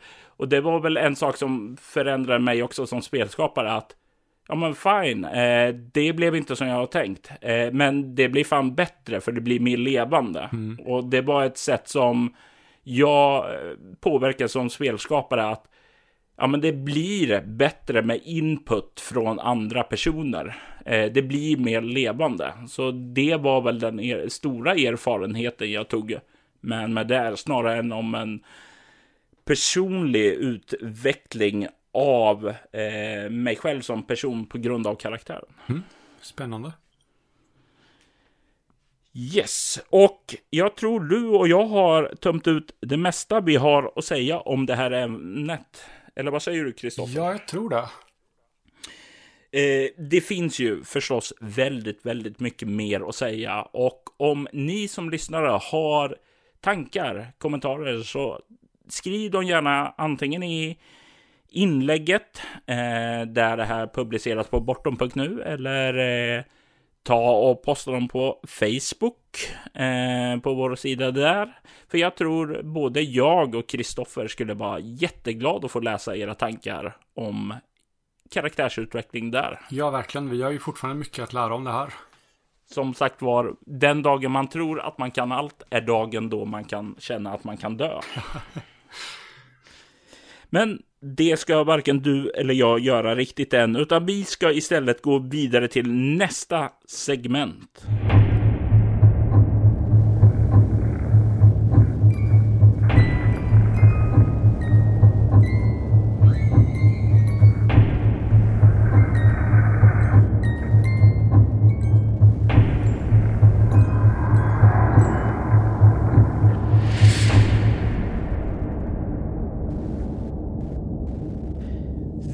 Vid spelbordet är segmentet där vi eh, brukar ta och spela upp ett litet ljudklipp från ett spelmöte och diskutera det ur något perspektiv. Och vad kunde vara bättre då än att exemplifiera hela avsnittets tema med eh, ett litet ljudklipp från en pågående speltest av Blodsförstinnan till Bortom. Och det här var en episod som utspelar sig mellan akt 1 och 2 där. Jag lät spelarna innan spelmötet eh, få reda på att de skulle få sätta en personlig scen eh, som visar någonting ur deras privatliv. Och det här var ju en tanke bara för att deras karaktärer skulle få en chans att utvecklas, visa någonting som inte riktigt kom i fel eller fördjupa någonting som redan fanns hos dem. Och de fick ganska fria händer med den. De fick etablera scenen helt själv eh, och även dela ut statister eh, som andra spelare eh, skulle spela i scenen. Och eh, det här gick ju spelarna igång på. Och jag har valt att välja ut en scen eh, där en av mina spelare, Fredrik Mård, eh, valde att etablera en scen där hans karaktär Declan eh, skulle tillsammans med sin flickvän Carol eh, be sig iväg eh, till eh, Boston på andra sidan USA eh, för att träffa hans föräldrar. Och eh, relationen mellan Declan och hans familj är inte särskilt bra, eh, som ni kommer att få höra. Och jag tycker att vi tar och rullar igång eh, eh, klippet nu och sen så tar Kristoffer och jag och talar lite om det sedan. Så vet du, är det då dags för henne att eh, träffa mina föräldrar? Ho, ho, ho! Stort! Ja, eh, jag har inte träffat dem själv de senaste åtta åren. Men eh, kommer inte så bra överens med min, med min, eh, med min, min pappa. Varför så? pappa. Ah. Det borde vara rätt så bra som en gammal. Eh, jag är lite närmare med min mamma. Eh, då. Du får skicka bilden. Ja. Det var mamman då, eller pappan. Eh, pappa. så, eh, mamman är väl lite... Ja, Jag, jag tänker, hon är, hon är liten och petit i rent eh, utseendemässigt. Men eh, hon är och kanske lite mer inkännande och lite mer så här kanske månar om sin enda son. Ja, ja. Eh, Medan pappan tycker att jag har gett dig, vi har gett dig allt och du, det här så här, du liksom... Och du går och blir polis. Precis, jag menar, det är ju inte ens lönsamt. Det är lite sjaskigt. För han har ju byggt upp sin eh, halvlegita verksamhet eh, med egna händer bokstavligen. Legist. Nej, halvlegit, halvlagliga. Alltså den är ju officiellt laglig. Fast, ja. Är han en eh, han, investerare? han har vet du, det, lösa förbindelser med, med Bostonsmaffian. Eh, han är inte, det finns ju ingen maffia förstås, men alltså, om det fanns en så har han lösa förbindelser. Så har han absolut inte Han lösa ska inte förbindelser säga att han är medlem i den, men de går ju på samma klubb och sådär. Men, eh, så att det, det är liksom, och det är ju då hemma hos mina föräldrar då givetvis.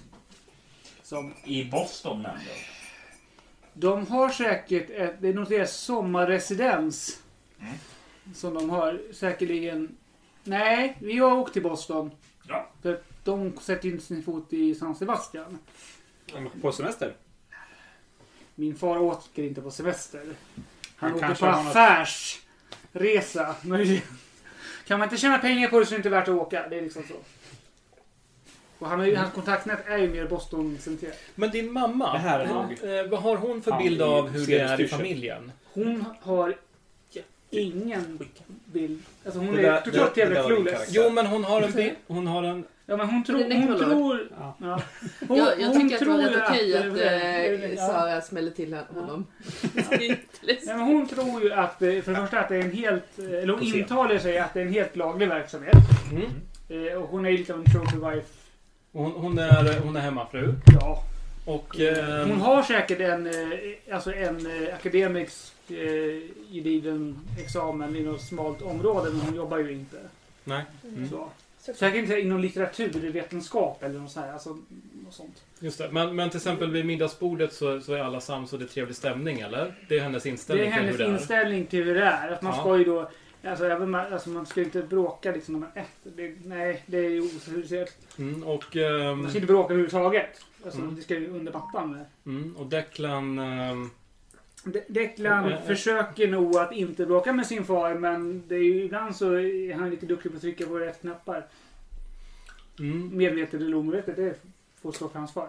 mm. Men, Men, eh, men, är Declan den... ehm, är han en uppskattad son som är älskad och har ett stort värde? Av sin mor kanske? Ja. Ja, jo, ja, av sin mor. Ja, jo, det, det, hon tycker ju ändå att det Även om det inte är lönsamt så är det ett nobelt mer. Alltså det är så här att jobba för att ta hand om andra människor ska vara säkra och liksom så. Det Du tycker hon. slösar bort ditt liv. Precis, tycker hans far. Ja, precis. Men inte hon, eller? Nej, hon tycker nog inte det. Fast hon skulle ju, om han... Fast säger- egentligen bara så länge Declan är nöjd, lycklig. Ja, så länge hon är lycklig. Men om pappan påpekar allt för mycket så kanske hon inte...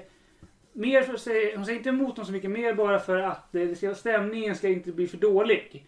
Mm. Än att det är egentligen så här, nu får du hålla käften. Liksom så, låt han vara lycklig. Det är inte, hon kan inte gå emot honom så mycket. Liksom. Har du Mm. någon självbevarelsedrift? Men måste ni vara så osams? Har du Ja. När hade du en relation senast? Jag har, inte sett, jag har inte sett dem på sju år. Nej men... eh, Jag- jag när jag hade du en relation med en kvinna senast som din mamma känner till? Ehm, Never. precis. Är det så? Eh, Jag tror att jag presenterade någon gång i de, alltså i de, när jag var 16, tror jag jag tog hem någon. Eh, Sådär, men det gick inte så bra. Sådär. Den relationen höll inte helt enkelt. Nej, jag, jag tyckte kanske inte att min far var sådär jättetrevlig mot min... Så. Mm. Men det, det var ju vitt patrask ju. Precis. Kom ju inte från, han är ju nyrik men, alltså, men han tycker, hon var ju inte tillräckligt fin. Nej, verkligen. Man ska ju, gift- man ska ju uppåt i... Jag förstår inte varför inte du lät mig ge några goda råd. Mm, precis. Carol är nog ytterst medelklass. Ja, med så- eh, Alltså kanske mm. Liksom uppåtgående Så möjligtvis. jag har väl då varnat Carro lite innan för eh, vad- mina, hur, mina, eller hur min pappa är. Så att vi åker väl dit Ja. helt enkelt. Och du har förvarnats ganska hårt. Jag har nog, jo precis, jag har nog Vad för... heter jag? Eh, James James. Margaret. James och Margaret. Mm.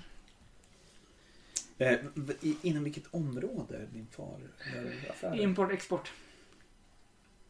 Import, export. Av vad då?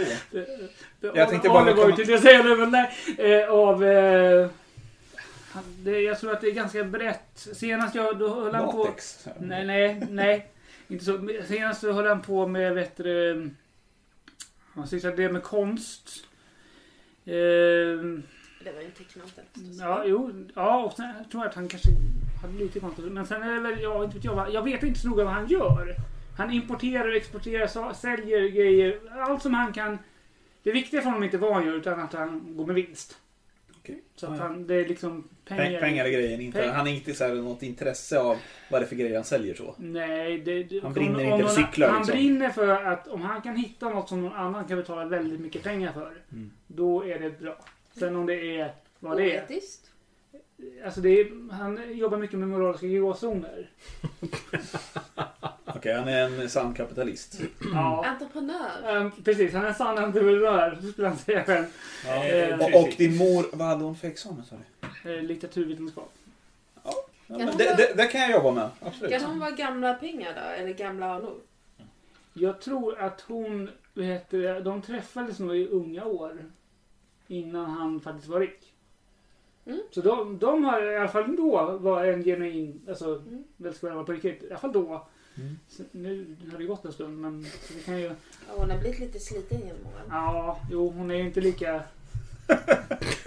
vad heter det? Vad he- Vad heter det? Genuint- genuint hon är inte- riktigt lika mycket mint condition som hon en gång var. Men hon är fortfarande nog... Ja, även om... Det Ja, finns, hjärnan är ju fortfarande skarp i alla fall. finns antikvärde. Ja, det kan ju också vara så här, vad heter det, sentimentalt värde. Så du tror att jag kommer ha lättare att anknyta till din mor än din far? Eh, jag har i alla fall det, så jag tror att det kan nog vara så. Det låter ju Det, rimligt. det men- bästa är att inte lyssna så mycket på vad han säger, men låtsas som att du lyssnar på vad han säger. Nicka håller med. Ja, smicker tror jag funkar ganska bra. Okej. Eh, han, är- han, är, han är om möjligt ganska självgod. Mm. Om man nu kan vara det. Det tycker jag inte själv. Men, men. Mm. Nej, jag, jag kan vara där, men jag får väl... Vi, vi, vi, alltså, vi ska bara in, in and out så fort. Alltså det är mer som... Alltså, du har ju faktiskt tjatat lite på mig att du vill ju träffa mina föräldrar. Men jag vill ju ett bra intryck.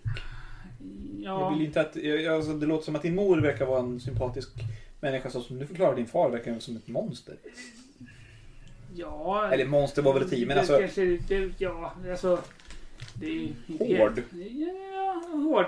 Ja, det låter som det är en gosse på 50 år. Precis. Ja. ja, han är nog ganska hård. okej. Ja, jag vi tror att du kommer ha lättare att skärma mina föräldrar. Ja, vi, vi får se om vi överlever det här först. Som ni hör här så har jag använt mina spelare själv för att sätta en ehm, personlig scen eh, för att fördjupa sina karaktärer.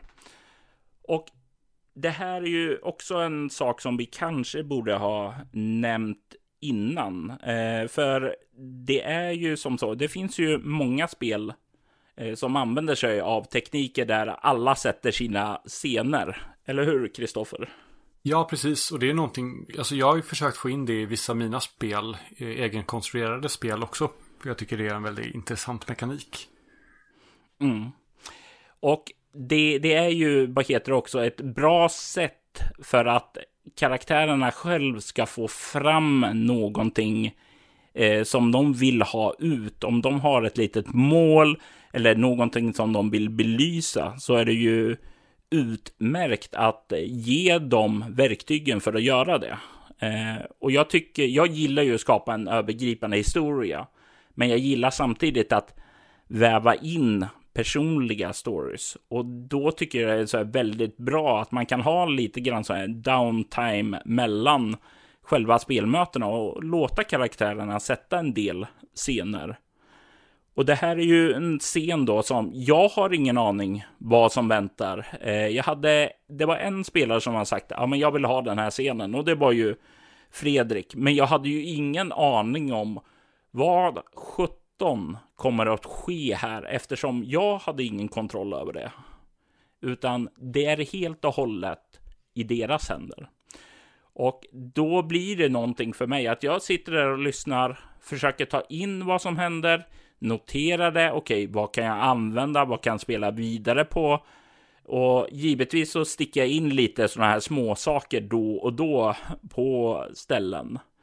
Men jag tycker definitivt att eh, låt gärna, eh, vad heter det, dina spelare eh, få mellan scenarion eller under sådana här downtime-scener där det kanske reser mellan olika platser.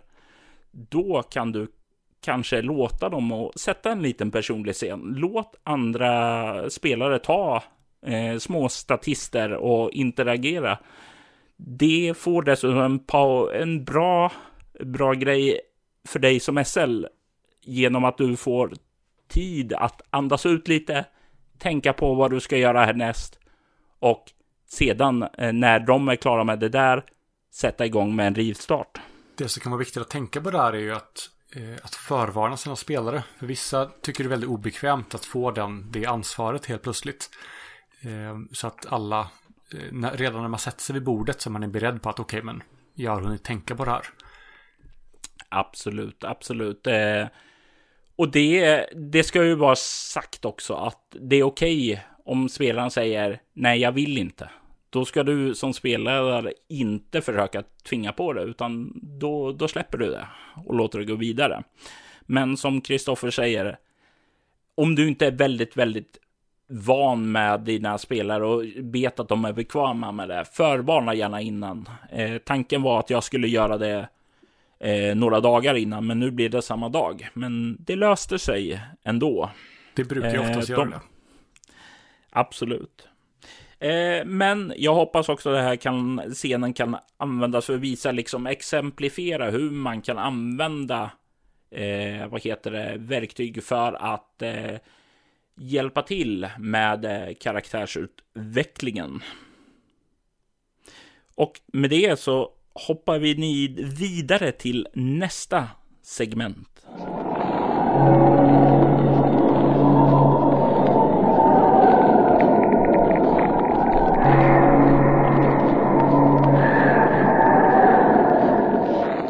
under arbete så brukar vi tala om vad det är som pågår i våra skrivverkstäder. Eh, och i Kristoffers fall kanske jag ska säga även i poddstudion också. Ja, precis. Vad har ni i Svartviken rollspelspodd på G för tillfället? Just nu har vi, eh, vi ska precis sätta igång en ny kampanj nu med Coriolis. Eh, jag vet inte mm. riktigt när det här Bortom Bortom avsnittet kommer släppas. Eh, så jag... eh, nästa vecka. Nästa vecka. Ja, då är vi precis igång. Eller vi ska sätta igång då med nästa kampanj. Vi har också mm. ett avsnitt som släpptes förra veckan. Ett extra avsnitt där Axel Vidén från Vi spelar rollspel kommer och gästspelleder hos oss. Och mm. vi har också då lite teknikstrul. Eh, vi gjorde ett eh, fummelslag när vi satte upp tekniken. Så vi lyckades med bedriften att spela in på datorns högtalare istället för de fina mikrofonerna vi hade framför oss. Mm. Upptäckte vi tre, efter tre timmars inspelning. Det var kul. Not. Eh, så ja. Sen håller vi också på.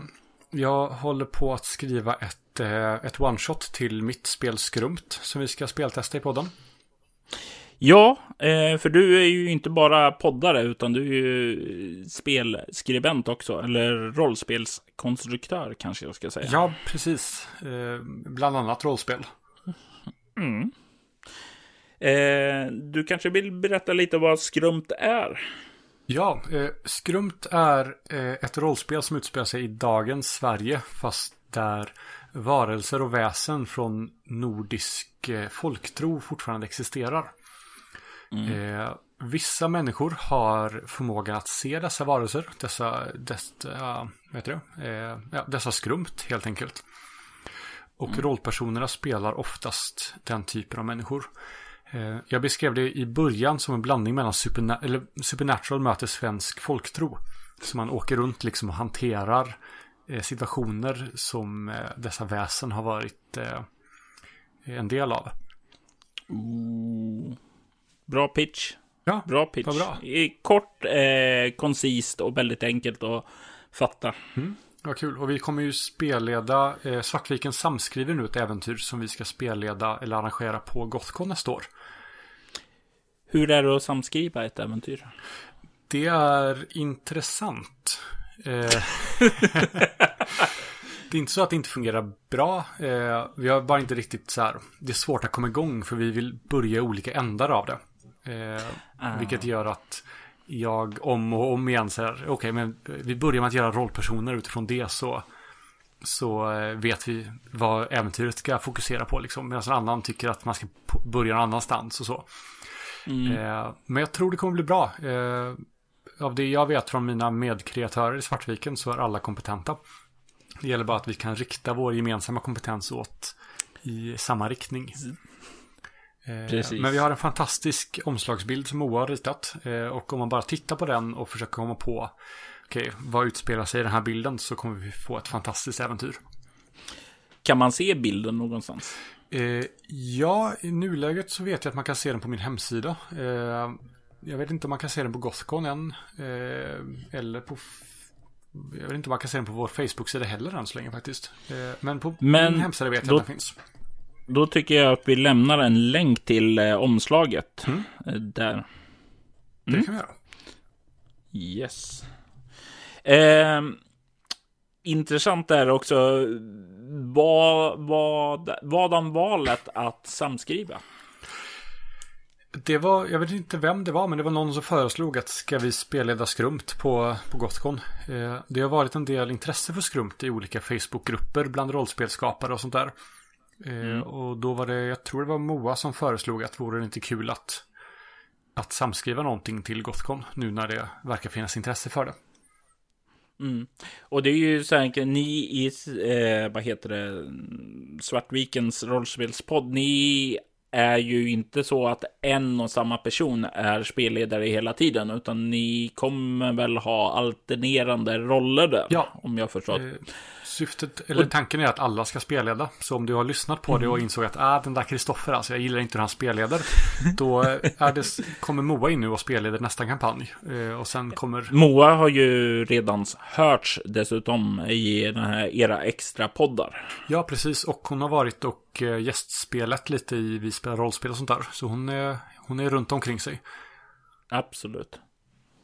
Eh, men det, det är ju, det båda ju i alla fall gott för då är ju ni alla, ni känns ju kreativa och kompetenta hela bunten där. Ja, det är vad vi, vi hoppas och tror i alla fall.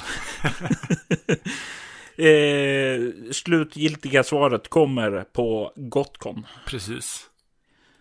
Eh, jag, alltså jag får ju säga som så att eh, jag fick ju höra om skrumt, eller rättare sagt skrumta ska jag säga, redan som barn. För min mor kommer uppifrån eh, Norrbotten.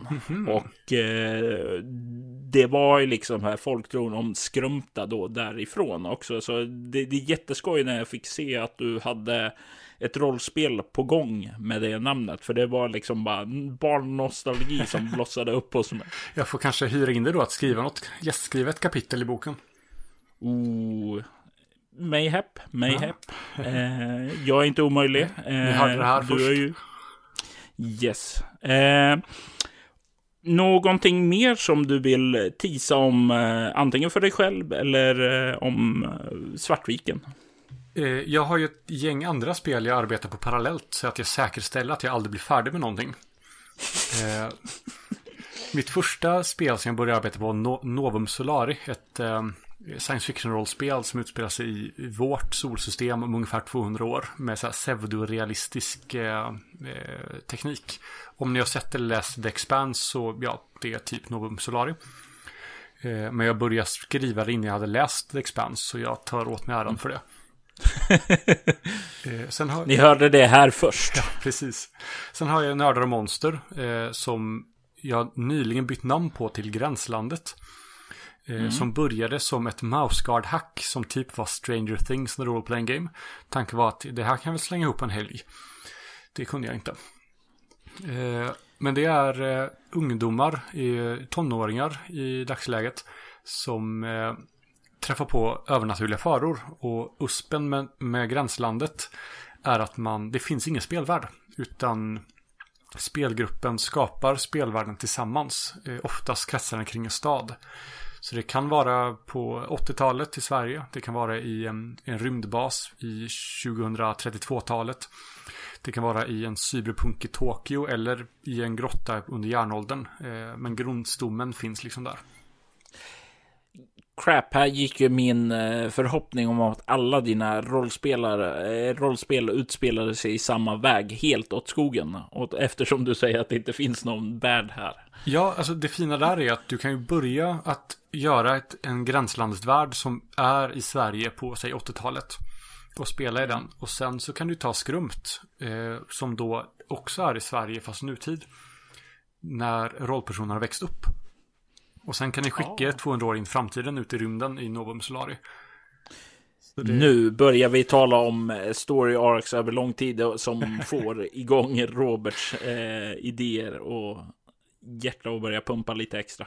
Så, så det finns lite sånt. Sen ska vi då inte börja prata om mitt, mitt västernspel som jag har lite lösa tankar på. Där västern och post, postapokalyps och robotar och sånt där. Eh, vi lämnar det till framtiden. För det, det, det finns inte så mycket att säga där än. Eller det finns massa att säga men inte mycket redan att avslöja. Jag ska inte försöka dra hemligheter ur dig, Kristoffer, så det kan vi lämna där han. Men eh, det är definitivt mycket där som man kan ta och eh, spana in eh, om man är intresserad. I, vi kommer kasta in lite eh, kontaktuppgifter och sådant, eh, vad man bör kolla, hålla koll på dig eh, längre eh, ja, fram i slutet av avsnittet. Så att eh, ni som är intresserade av Kristoffers västernspel kommer definitivt inte att missa det. Precis. Hade du något mer du ville pimpa eller ska jag gå på min? Eh, det är väl möjligtvis om ni gillar tärningsspel så har jag gjort ett litet spel under medeltidsveckan för några år sedan som är en blandning mellan poker och Yatzy. Eh, det är mitt enda färdiga spel. Eh, det ligger uppe på min hemsida att ladda ner reglerna. Så kolla upp det om ni gillar eh, dobb, spel och dobbel. Fast utan pengar. Eh, jag tänkte just säga det. Eh, vadan just kopplingen till medeltidsveckan? Jag, ja, på medeltidsveckan för två år sedan tror jag det var så behövde jag, jag vill ha något spel som man så kunde dra fram snabbt och spela i en kö till exempel. Men som ändå kändes hyfsat eh, tidsenligt. Eh, så då började jag helt enkelt skriva, eller konstruera ett spel eh, med, eh, med tärningar, men som påminner, man ska bygga pokerhänder. Eh, men man har möjlighet att slå om tärningar för att bygga dem och så satsar man eh, marker då för att få slå om. Och det, man kan spela det från två till hur många personer som helst i princip. Eh, ju mer man spelar, eller ju fler spelare desto längre tid tar det ju. Men det, vi har testat det på upp mot 6-8 pers och det fungerar rätt fint. Eh, och det är så här, det är enkelt. Kan man poker så kan man joker liksom. Kan man poker, kan man joker? Det, du har ju reklamslogan där. Ja, precis. Eh, och där finns ju sagt, reglerna finns färdiga att ladda ner. Eh, och gratis och fint. Så du, man behöver fem, spe, fem tärningar per spelare och åtta marker eller mynt av något slag. Sen är det Mm. bara att köra. Ja, eh, definitivt värt att spana in.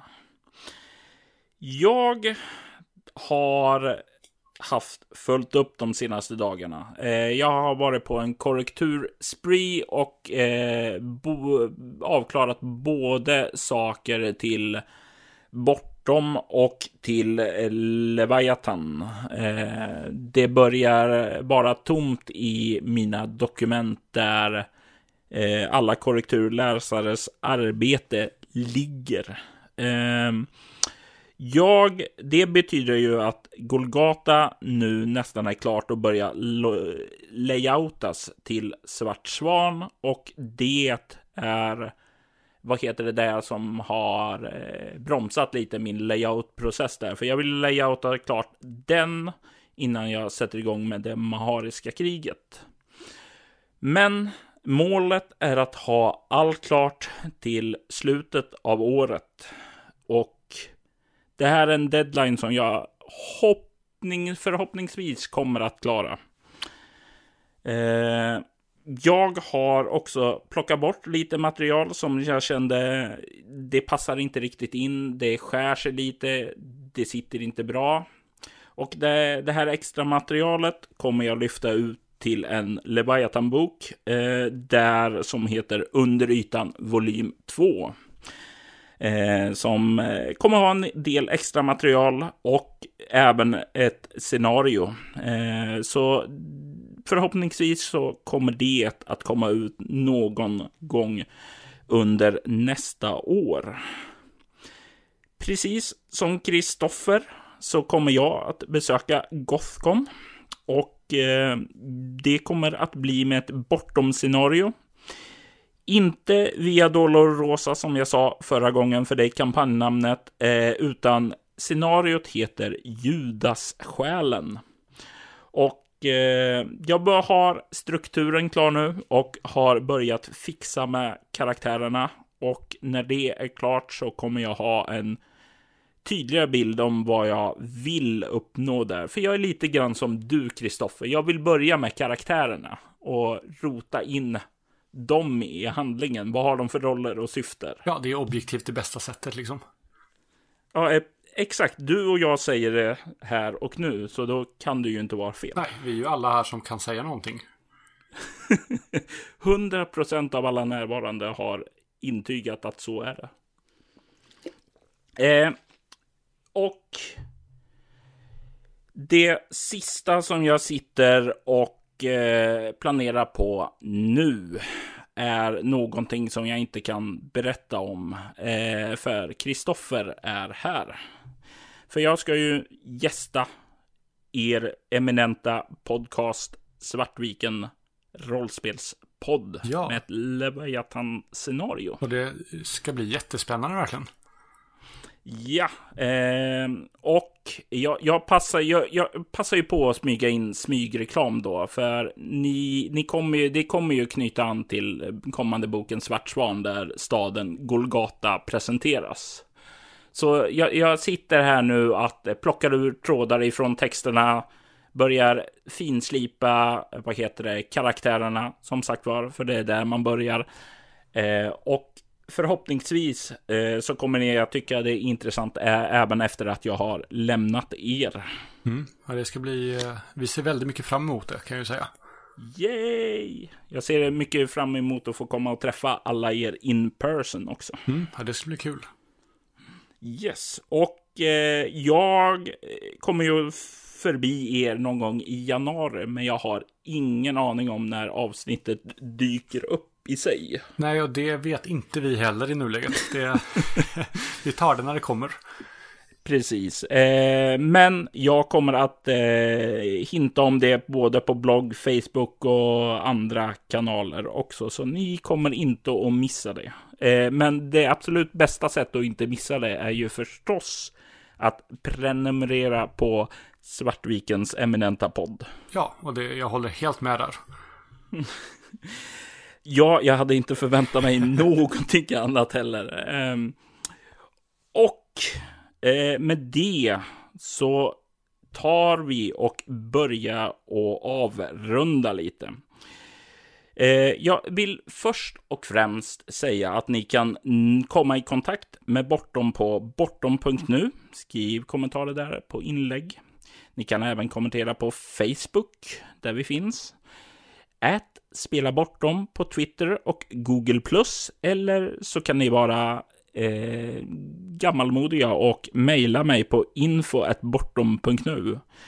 Gör gärna det, eh, för det är så ensamt. Den enda som mejlar dit är jag eh, när jag behöver vad heter det, spara alla körscheman och kolla på min gamla iPad som inte klarar online-uppkopplingar. Eh, hur kommer man i kontakt med dig, Kristoffer? Eh, man kan gå till min hemsida, eh, kvarnbergspel.nu, eh, kvarnbergspel.nu. Eh, Mm. Man kan också skriva till eh, Svartvikens rollspelspodd på Facebook. Det är oftast jag som sköter vår, eh, vår Facebook-sida och vår chatt där. Eh, eh, admin at kvarnbergspel.nu. Jag har tyvärr ingen infomail, men admin-mailen står också gapande tom. Eh, jag finns på Twitter på k-varnberg. Ja. Eh, ja, det är väl det. Det är också värt att säga att Svartviken finns ju också både på Twitter och på Instagram också. Det gör vi. Och vi heter... Eh, ja, vad heter vi på Instagram? Är det Svartviken RP tror jag det heter där? Jag tror så också. Eh, det här är något som du ska kunna, inte jag. Jag, jag söker på Svartviken eh, och så hittar man det. Eh, Ja, och, men vi, och vi finns även på iTunes och där du hittar dina podcasts. Sök på Svartviken så finns vi där. Absolut, och eh, då tycker jag ni ska göra precis som jag och eh, ta och prenumerera och sen lämna en liten recension på podden också. Det skulle verkligen uppskattas. Svartviken understreck rollspelspodd heter vi på Instagram. Eh, och Svartviken RP på alla andra ställen om jag inte minns fel. Det är ju intressant val av strategi i namnet då. Ehm, men följ, följ, följ. Ja, och hör gärna av dig. Vi tycker det är jätteroligt med eh, lyssnarfeedback och vi försöker svara på, eh, på allt vi kommer åt. Ja, och eftersom det här är det sista avsnittet för i år så tänkte jag ta tillfället i akt och bara ställa en fråga till er lyssnare. Inför nästa år, är det någonting som ni skulle vilja se förverkligat då? Eh, att, jag, att vi fick fokusera på något typ av tema genom alla avsnitten, att vi fortsätter så som det har varit. Att eh, den där sektionen vill vi fan aldrig höra igen. Eh, varför, eller varför finns inte den här sektionen med? Eh, kom gärna med feedback eh, så ska jag se vad tomten kan komma med helt enkelt. Och jag vill med det säga tack till dig Kristoffer. Och tack själv. Det var jättekul att vara här och köta lite. Absolut, jag hade jätteskoj att tala med dig. Så då tycker jag att vi avrundar podden med det traditionella Hades.